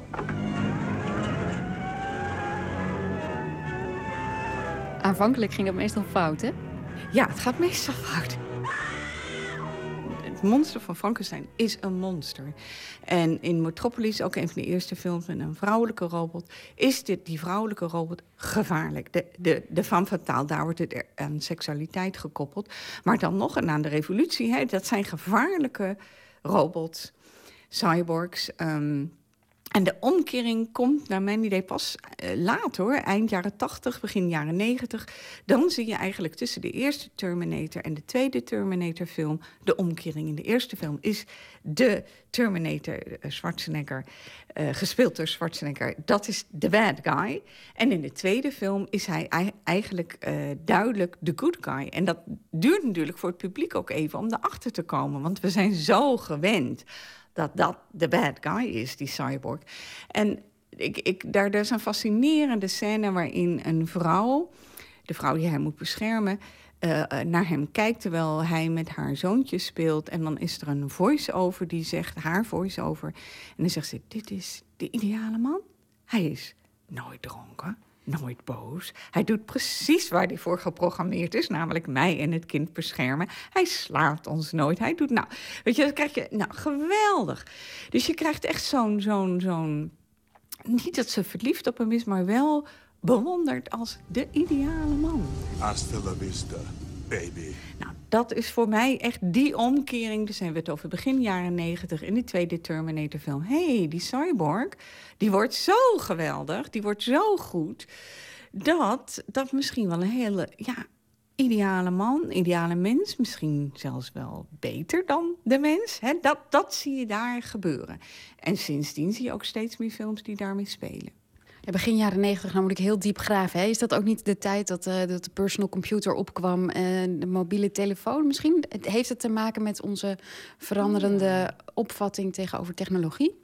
Dat is een interessant uh, gegeven. Daar heb ik eigenlijk zelf nooit zo aan gekoppeld. Maar ik denk wel dat u gelijk heeft. Dat inderdaad uh, dat, het, dat de, de opkomst van internet is natuurlijk jaren negentig. Mobiele telefonie is al iets later. Uh, dat is toch allemaal vrij recent. En dat betekent dat wij ook een andere relatie met technologie aangaan. Want dit is niet meer het idee van een enge robot die van buiten... of zelfs nog enger van, van, vanuit de ruimte komt... Um, of, vanuit het laboratorium die door een gekke uh, wetenschapper is ontworpen. Nee, um, we hebben nu gewoon computers op ons bureau staan en we kunnen niet meer zonder. En nu, vandaag de dag, dragen we ze letterlijk op het lichaam. We dragen die, die, zijn, die mobiele telefoons zijn natuurlijk krachtige computers als je dat vergelijkt met wat we in de jaren negentig op ons bureau hebben staan. Die dragen we nu op ons, op ons lichaam. dus de, en, en die raken ons ook letterlijk aan. Ik, en, ik bedoel dat ook uh, echt letterlijk. We moeten de mobiele telefoon aaien om hem aan de praat te krijgen. Uh, we dragen hem op, ons hart, in, in onze tas. Je. Hij, hij trilt. Hè? dus ja, die, die, die bijna fysieke relatie tot technologie... die natuurlijk ook veel kleiner is geworden... Die, die maakt dat wij de angst voor technologie toch eigenlijk wel ja, misschien wel 20e eeuw of 19e eeuws vinden. Mooi zo. Dus we hebben de afgelopen jaren een fysieke relatie ontwikkeld met iets wat makkelijk de ideale man of vrouw zou kunnen zijn. Maar hebben robots eigenlijk ook wel gevoelens, zodat ze ook een beetje van ons kunnen houden? Volgens de films wel. In a distant future, in an age of intelligent machines, he is the first robotic child programmed to love and coexist as a member of a family. His name is Wally. After all these years, he's developed one little glitch. A personality. He's extremely curious. And just a little bit lonely. Tien jaar geleden zag je bijvoorbeeld het thema van het geheugen. He, van, hé, hey, die computers nemen natuurlijk een groot deel van ons geheugen over. Dus gingen science fiction films over uh, geheugens die dat alles bewaard kan worden. Nou, wat doe je daar nou mee? Of dat je uh, herinneringen aan overleden mensen hebt. Zodat bijvoorbeeld mensen in, in, Minority Report heb je dat heel erg in het verleden blijven leven. Nou, um, daar wordt heel erg mee gespeeld. Op het moment, de nieuwste trend die je nu waarneemt, is de vraag van ja, oh jee, we hebben nu wel die cyborgs gecreëerd die heel erg op ons lijken.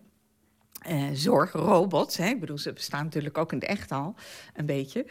Uh, en dan komt de vraag van weer opnieuw terug: hoe menselijk zijn ze? What's it like to be alive in that room right now? I wish I put my arms around you. Wish I could touch you.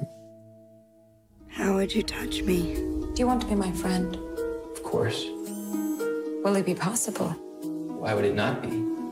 Wij projecteren emoties op objecten. Dat hebben we altijd gedaan. Als kind doe je dat op je pop of je auto. Denk maar aan een kind die een tafelpoot terugslaat die, waar die zich aan baseert. Dus die projectie op objecten is denk ik iets heel mythologisch wat in mensen zit. Um, en er is natuurlijk een probleem met eenzaamheid op het moment van, van in, in, in het Westen in het algemeen. Er zijn heel, niet alleen van mensen die geen relaties meer hebben, wat je een beetje in Her ziet. Hè, van nou, ingewikkeld maar hoor, zo'n relatie. En dan is zo'n programma en zo'n stem natuurlijk ideaal. Want die, ja, nogmaals, het zijn de ideale mensen die nooit boos worden. eh, nooit moe zijn, hè, er altijd zin in hebben. Nou ja, dus uh, die fantasie, hè, dat verlangen, dat, dat is natuurlijk zo menselijk. Dat hebben we allemaal wel naar de ideale partner en de ideale verpleegster die voor ons zorgt. Did you program her to flirt with me? Do you think about me? If you lie, I will know. No. Lie. Maybe she's pretending to like you. Well, why would she do that? Van oorsprong waren het mannen, niet altijd hoor. Metropolis heeft al een vrouw, maar daarna krijg je eigenlijk 50, 60 jaar bijna alleen maar mannen. Er zijn wel wat vrouwen, maar dit zijn bijna altijd in B-films. En die worden echt ja, op schokkende wijze aan, aan seks gekoppeld. Dus dan zijn er bijna altijd seksrobots. Um, dus dat er nu een, een recentelijke ontwikkeling is uh, ja, weer met robots heeft misschien iets te maken met die angst. Kijk, de angst verschuift telkens, hè, maar de angst is fundamenteel dat die cyborgs, die robots, het over gaan nemen van mensen. Nou, en nu is dan die angst dat die cyborgs of robots het over gaan nemen van mannen. Dus, uh, sorry, van mensen, ja, en blijkbaar is dat een angst van mannen, dat die vrouwelijker, hè, dat ze daar verliefd op gaan worden. Nou ja, laat, laten we het zo zeggen. Misschien zegt dat iets meer over mannen dan.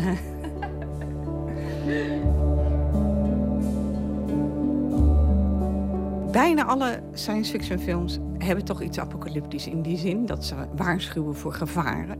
Maar hoewel ze je misschien wel eventjes voor de gek kunnen houden, die robots, zoals op die datingwebsite, gelooft Anneke Smelik niet dat ze ooit zo menselijk zullen worden als ze nu in de films geschetst worden. En dat zit hem nou juist in die complexiteit van emoties. Mensen zijn oneindig complex. Die kennen zichzelf niet eens. Hè? Ja, dat is niet voor niks een, een, motto uit de Griekse oudheid nog.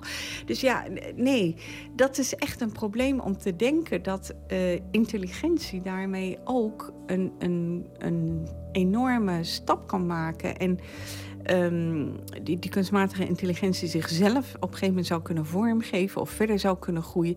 Nee, ik denk dat daar echt een grens in zit van wat leven is en wat niet. En voor mij ligt die juist bij die emotionele complexiteit van mensen, die een machine niet zal krijgen, hebben. En ja, ook niet zal krijgen, naar mijn idee. Ex Machina die uh, opent morgenavond het Imagine Film Festival... waar het uh, dus gaat over de robot. Hoogleraar visuele cultuur Anneke Smelik geeft daar ook een lezing... Robots en Hartstocht. En uh, als u niet in de gelegenheid bent om die lezing bij te wonen... heeft ze ook nog een boek met de titel Ik Cyborg. Spencer Wiggins was een Amerikaanse soulzanger uit Memphis, Tennessee. Hij maakte wat je zou noemen Deep Soul. En dit is een nummer uit 1967, The Power of a Woman.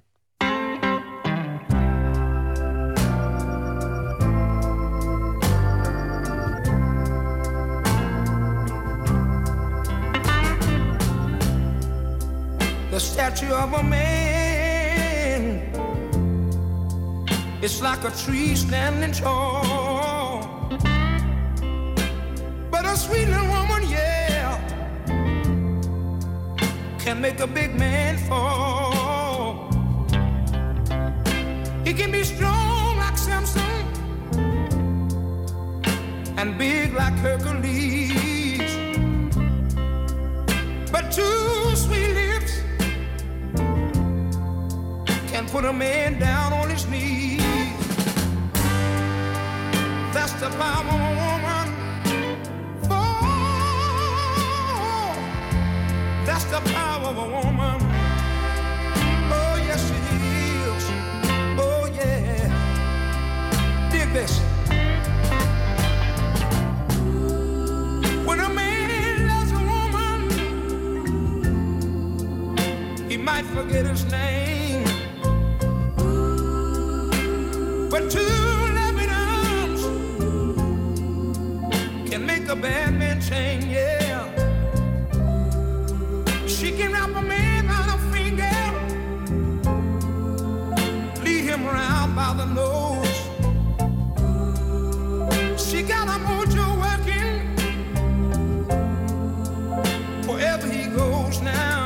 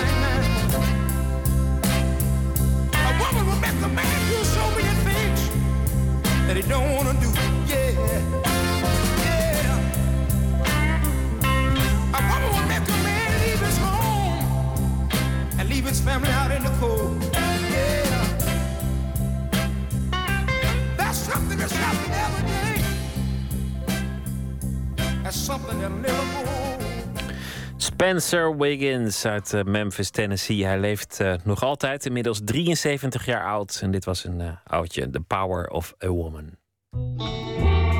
Nooit meer slapen.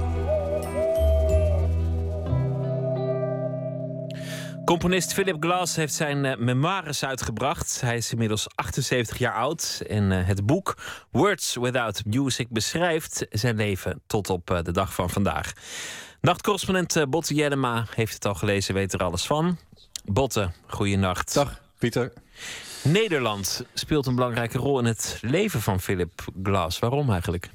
Ja, hij heeft eh, namelijk tot zijn 41ste allemaal bijbaantjes gehad om rond te kunnen komen. En dan was hij bouwvakker, verhuizer, eh, taxichauffeur. Maar ehm, toen eh, kreeg hij een opdracht waarna hij zich volledig kon eh, toeleggen op het maken van eh, muziek. En dat was een opdracht van de Nederlandse opera. Want die vroeg hem in 78 om een stuk te schrijven. Dat werd Satyagraha, een ode aan Gandhi. Dat ging twee jaar later in Rotterdam in première. Maar dat is dus echt een mijlpaal in zijn leven geworden. Een van de beroemdste nog levende componisten is hij. Ehm, invloedrijk geweest. Hij wordt altijd genoemd in één adem met eh, Steve Reich en eh, Terry Riley. Grondlegger van de Minimal Music. Maar ja. ik heb hem één keer mogen ontmoeten. Nou ja, ik weet er verder niet meer zoveel van. Maar een, een heel bescheiden man. Een heel rustige man die ook absoluut niks moet weten van dit soort... eh, nou ja, veren in zijn, in zijn kont. Nee, en bijvoorbeeld ook die term minimal music, daar moet hij ook niet zoveel van hebben. eh, want eh, de- ja, hij zegt van ja, dit, dit past helemaal niet bij het soort werk wat ik, eh, wat ik maak. De grappige is, morgen start het World Minimal Music Festival in Nederland. Ik belde eventjes met ze en de persvoorlichter die zei daarvan ja. Dat afstand nemen van minimal music, dat doen vrijwel alle grote namen uit de minimal music. Ook die Terry Riley. eh, en die hebben zij dan weer als hoofdgast de komende dagen. Maar, maar goed, Glass die noemt zichzelf eh, vooral een componist van muziek met herhalende structuren, zoals dat eh, heet. Nou, dan kom je toch eerlijk gezegd wel heel snel in de buurt van wat dan onder de term minimal music valt. Maar eh, momenteel eh, noemt hij zich dan eh, voornamelijk ook eventjes klassicist. Omdat hij, zo zegt hij, geschoold is in harmonie en contrapunt. En in die zin dus een traditioneel klassiek muzikus is. Maar om even een idee te krijgen van zijn muziek... kunnen we even luisteren naar een stukje van... wat onze eigen harpist Lavinia Meijer... een paar jaar geleden op cd heeft uitgebracht. Wat overigens goedgekeurd is door meneer Glass zelf.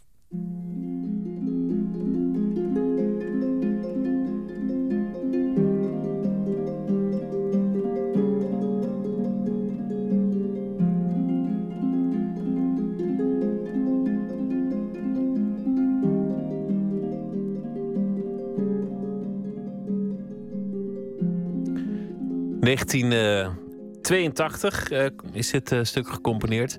Nou, dat kan nog veel minimaler. Dat, dat, het ergste minimalisme was wel achter de rug toen. Ja, ja, hij heeft in de jaren 60 en 70 stukken geschreven van bijvoorbeeld 10 minuten lang, waarin steeds dezelfde acht of soms maar vijf noten zijn te horen. En sommige mensen die raakten daar echt van een soort van in een trance. Dus dan werden ze echt een soort van high van. Maar andere mensen die werden er ook heel erg boos op. Want die dachten in die tijd dat hij ze echt in de maling aan het nemen was. Eh, op dat moment had nog niemand ooit zoiets eh, gehoord. Nou, Klaas is onlangs geïnterviewd door NPR, de Amerikaanse publieke radio. En daarin vertelt hij over een incident in Amsterdam in de jaren 70. This was about 1971, and the idea of music that was so, uh, let's say, consciously or steadfastly uh, repetitive was not so common then. And um, someone jumped on the stage and began banging on the piano. And without thinking about it, I, I stood up and I punched him on the jaw or something, and just like in the comic books, and he fell off the stage. Ja, nou ja, zoals in uh, komische boeken of, of in uh, cartoons dus. Uh, hij sloeg hem echt op zijn, op zijn muil. toen die man op het podium klom en op zijn piano begon te rammen... omdat de muziek hem niet aanstond. die man die kukkelde uiteindelijk dus van het podium. Het tekent een beetje hoe lastig men het toen vond om naar deze muziek te luisteren. En dat begrijp ik ook wel. Want de muziek die Glass toen speelde, dat was dit.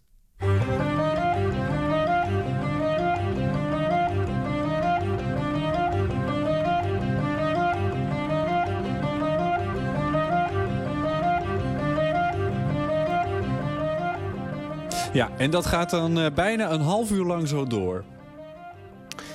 Ja, en dan kreeg Philip Glass dingen naar zijn hoofd uh, gegooid. Uh, mensen raakten geïrriteerd, werden boos. Los van de mensen die, die het prachtig vonden natuurlijk. Ja, ja, ja. Nee, maar hij zei daar ook nog iets interessants over. Zo vond hij bijvoorbeeld rauwe eieren minder erg dan gekookte. Well, he threw an egg, it isn't so bad, because the eggs would just break. Uh, uh, there was no danger from egg, egg throwing. But uh, unless they boiled the eggs first, which they sometimes did. But on the other, why would you go to a concert with eggs unless you already knew you were going to throw them, right? Someone that does that, they, they're the ones with the agenda, not the artist. Ja, iemand die met eieren naar een concert gaat... die heeft in feite zijn plan of zijn mening vooraf al klaar, zegt Klaas. Dat vond ik toch interessant hoe je daarover nadacht. Uh, terwijl je eieren naar je hoofd gesmeten krijgt. Maar goed, in de periode daarna is de muziek van Glass heel veel gebruikt in films, in theaterstukken. Popmuzikanten raakten door hem geïnspireerd. Dus we zijn inmiddels wel wat meer gewend geraakt aan zijn soort muziek. 78 jaar oud, zei ik aan het begin. En hij treedt ook nog steeds op. Ja, hij heeft nog steeds zijn eigen Philip Glass Ensemble. Dat heeft hij in uh, 68 opgericht. Hij speelt daarin keyboard, gaat er ook mee op tournee. En hij zegt in het interview met NPR dat het hem alleen lukt... door discipline, een vegetarisch dieet en yoga. To be a performing musician into your 70s or 80s, hopefully... there's a certain physical discipline too many people are, are training that they, they train as if they were runners or athletes. It's not that different. I do concerts 90 to 100 minutes long and I do it without music. I mean, I do it from ja. memory. Hij uh, speelt concerten van 90 of 100 minuten lang en dat doet hij allemaal uit zijn hoofd. De biografie, um, wat weet je daar al van? Is, is het een, een boeiend boek? Nou ja, in tegenstelling tot je wat in het begin zei, ik heb het nog niet helemaal gelezen. Uh, het is uh, een boek. Het is ook dat, echt nog maar net uit, hè? dus dat ja, is je vergeven. Voor zover ik weet, nog geen vertaling, dus het is alleen nog in het Engels.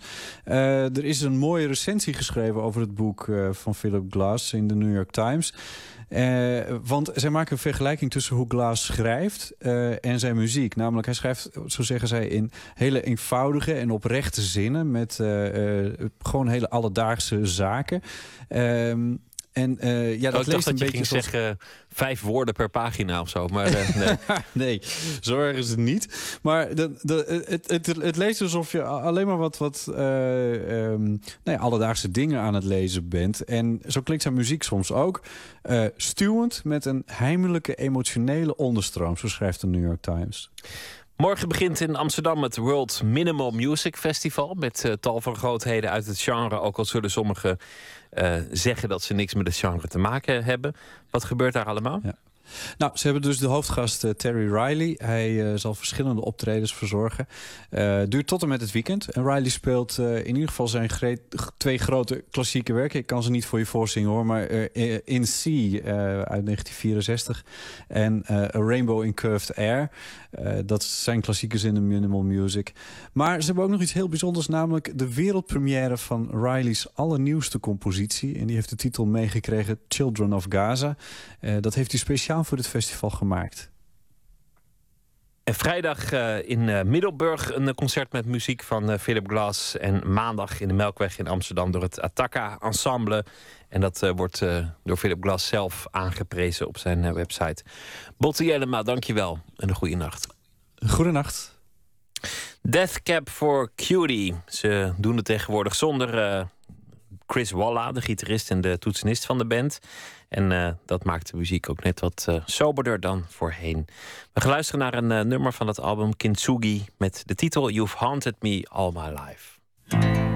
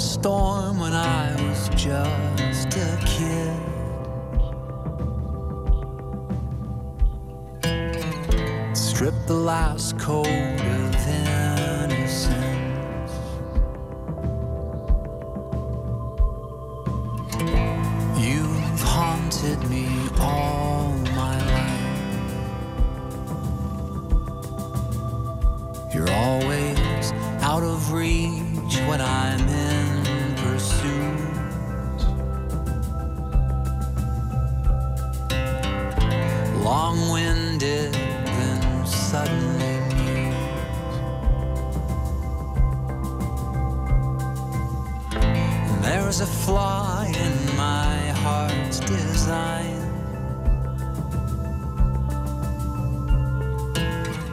For I keep trying to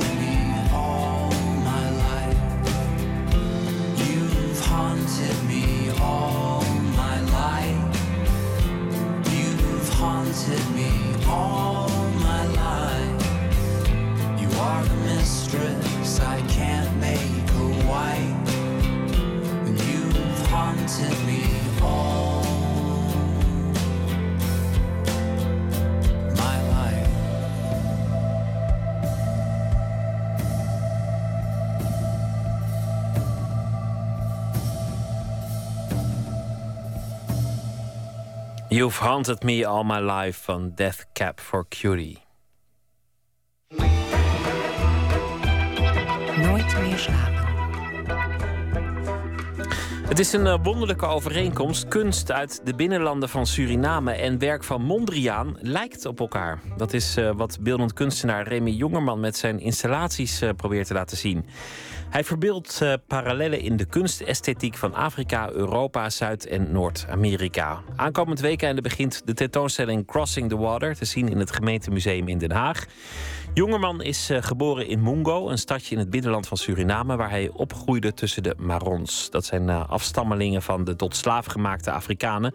Die wisten te ontsnappen en het oerwoud in zijn getrokken. Begin jaren 90 verhuisde hij naar Nederland voor een studie aan de Rietveld Academie. Verslaggever Nicole Terborg ging bij hem op bezoek in zijn atelier in Amsterdam.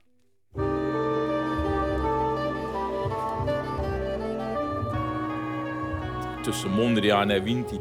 Ja, ik vond eigenlijk een hele geschikte eh, vertaling eigenlijk van mijn werk.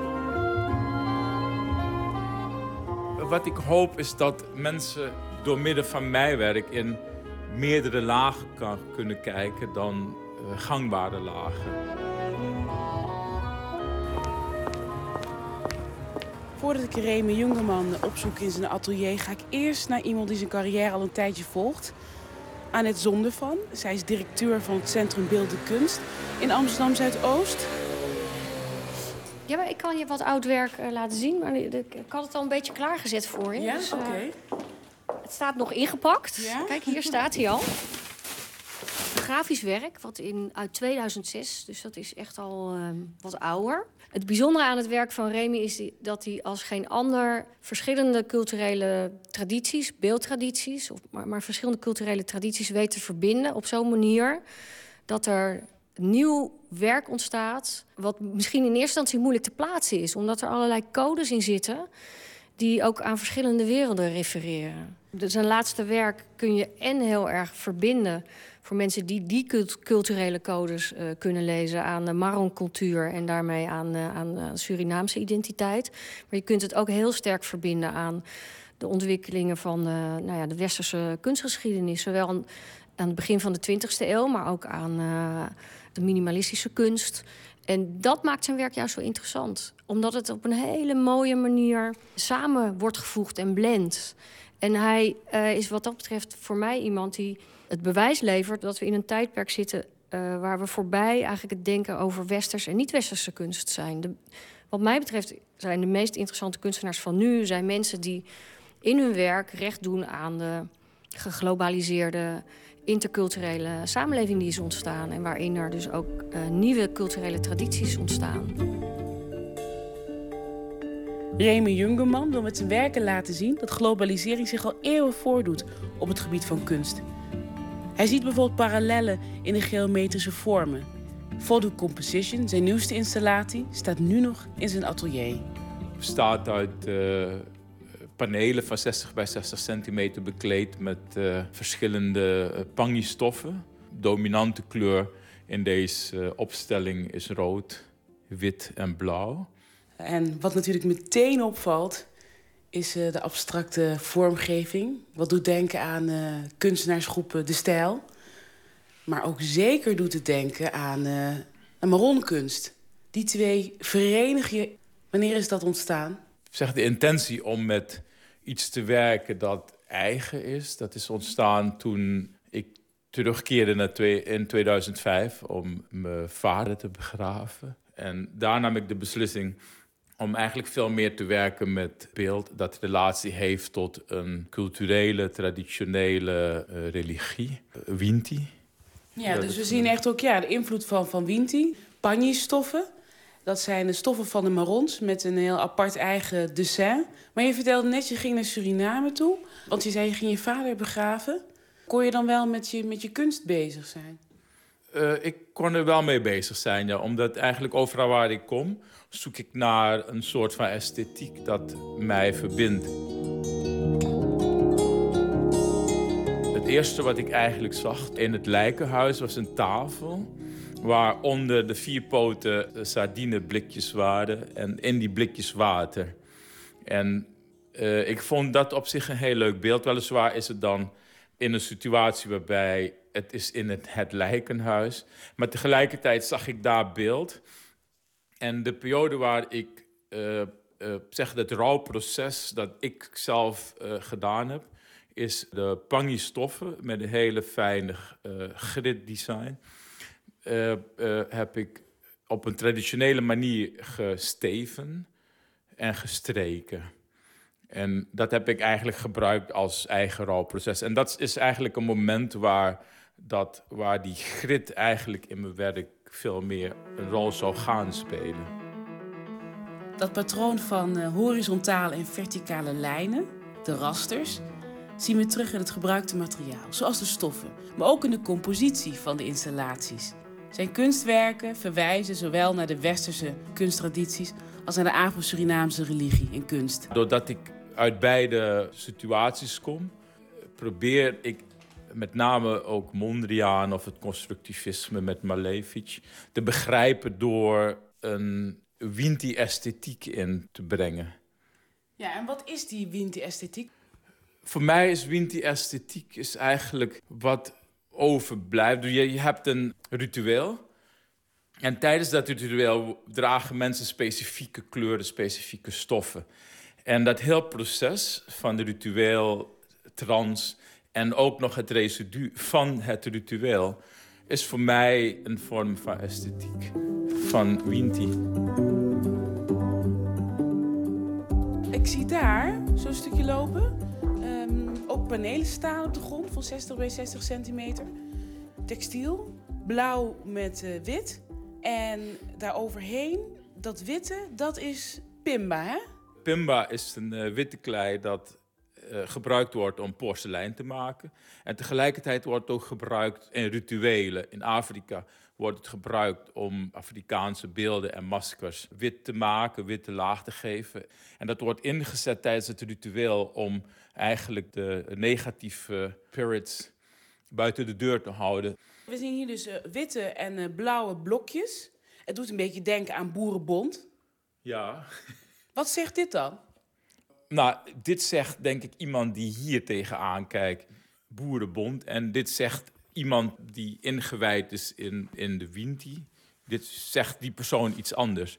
En dat maakt, denk ik, voor mij het werk eigenlijk universeel. Omdat ik iets kan inzetten dat door het publiek op verschillende manieren gelezen kan worden.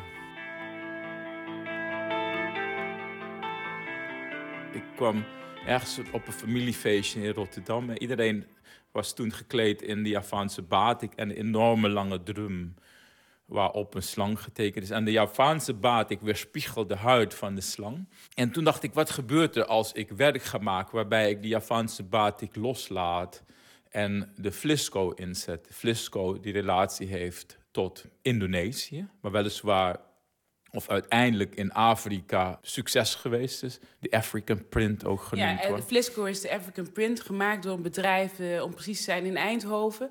dat volop stof verkoopt in Afrika. Hè? Als daar kleding wordt gedragen, zijn dat stoffen van Flisco. En door Flisco te gebruiken in relatie tot Winti... krijg ik ineens een heleboel verbanden. En dan wordt Crossing the Water helemaal helder. Omdat er zowel relaties liggen met Indonesië... Er liggen relaties met Azië. Tegelijkertijd kunnen we nog meer verbanden noemen. Maar dat was voor mij wel een heel essentieel verband. Om te zeggen van, hier gebeurt Crossing the Water al. De titel Crossing the Water verwijst naar de gelijkenissen tussen patronen als je de oceaan oversteekt. Van schouderdoeken van maronstam Ocanus tot een schilderij van Mondriaan. Volgens Annette Zondervan krijgen zijn kunstwerken internationaal steeds meer aandacht. Remy heeft in Glasgow geëxposeerd. Hij heeft een residency in uh, New Orleans gehad. Hij gaat nu naar New York. En ik denk echt wel dat hij uh, nog groter gaat worden dan dat hij al is. En dat komt omdat in die samenlevingen daar is, is het denken over... of is de migratiesamenleving waar wij nu hier in zitten... is eigenlijk al veel meer gemixt en veel meer ingebed. Afro-American Arts of the Suriname Rainforest van uh, Richard en Sally Price. Het enige boek dat toen ik op de Academie Suriname studeerde, mijn beeld gaf dat relatie had tot Suriname. Uiteindelijk is dit boek als het ware een soort bijbel geworden van mijn... Ja, ik zie ook dat er helemaal de plastic omheen zit, hè, om het bij elkaar te houden. Plakband, uh, ja. ja. Hoe belangrijk is het om zo'n referentiekader te hebben om, om verder te komen als kunstenaar? Ik denk, in mijn, voor mij is het heel belangrijk geweest. Ik heb in 1988 gewist dat ik de eerste muurschildering gemaakt heb in Suriname. Waarbij ik letterlijk uh, de geometrische vormen van de patchwork van Surinaamse marons gekopieerd en geschilderd heb. En ik merk dat dat eigenlijk de essentie geweest is. Omdat ik zeg, wat ik zei, is dat ik het modernisme alleen maar kon begrijpen door te kijken in mijn eigen traditionele culturele context. En bij Marons denk ik ook aan voorouders en voorouderverering. Wat heb je daarmee?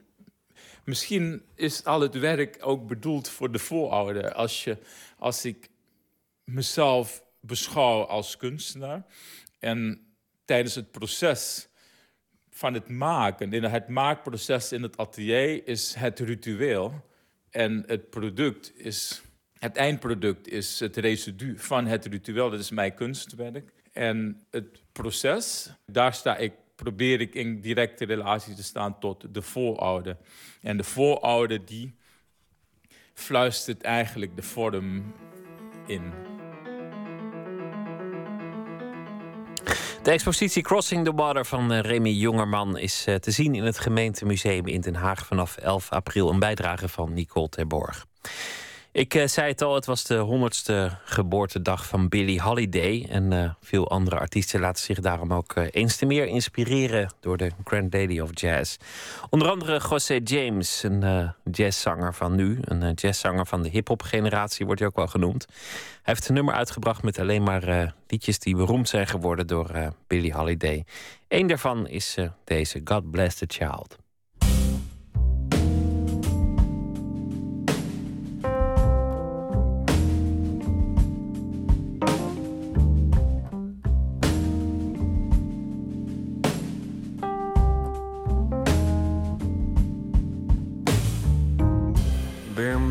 God shall give, them that's not shall lose. So the Bible says, and it still is new, babe. Mama may have, and Papa may have, God bless the child. Got his own.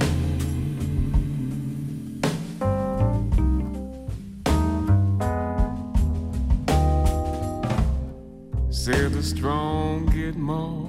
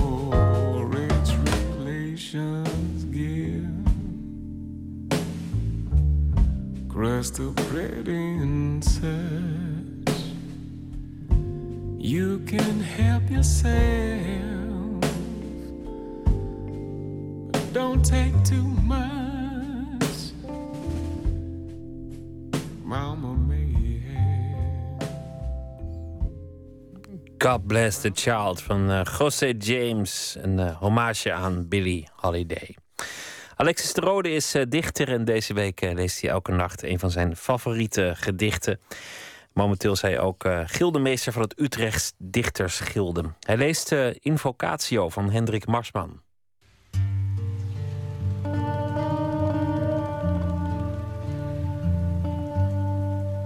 Ik ga een gedicht voorlezen van Hendrik Marsman, een van de grote dichters van het interbellum, samen met Nijhoff en Achterberg.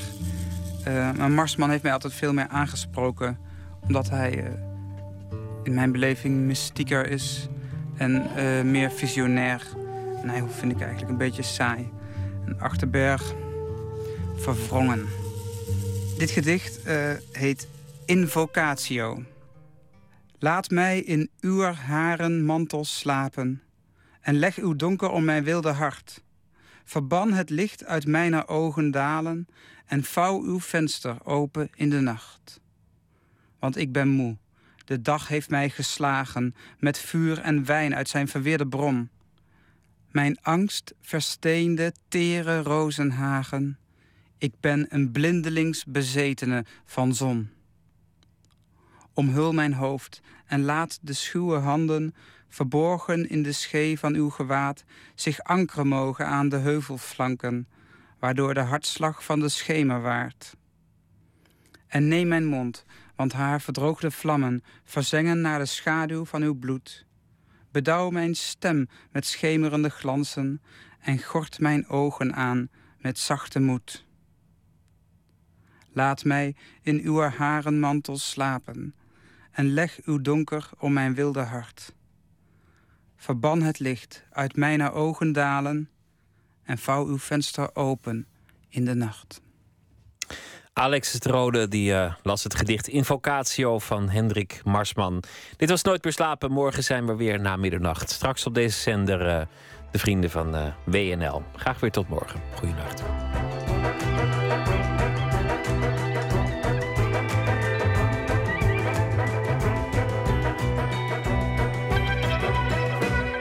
Op Radio 1, het nieuws van alle kanten.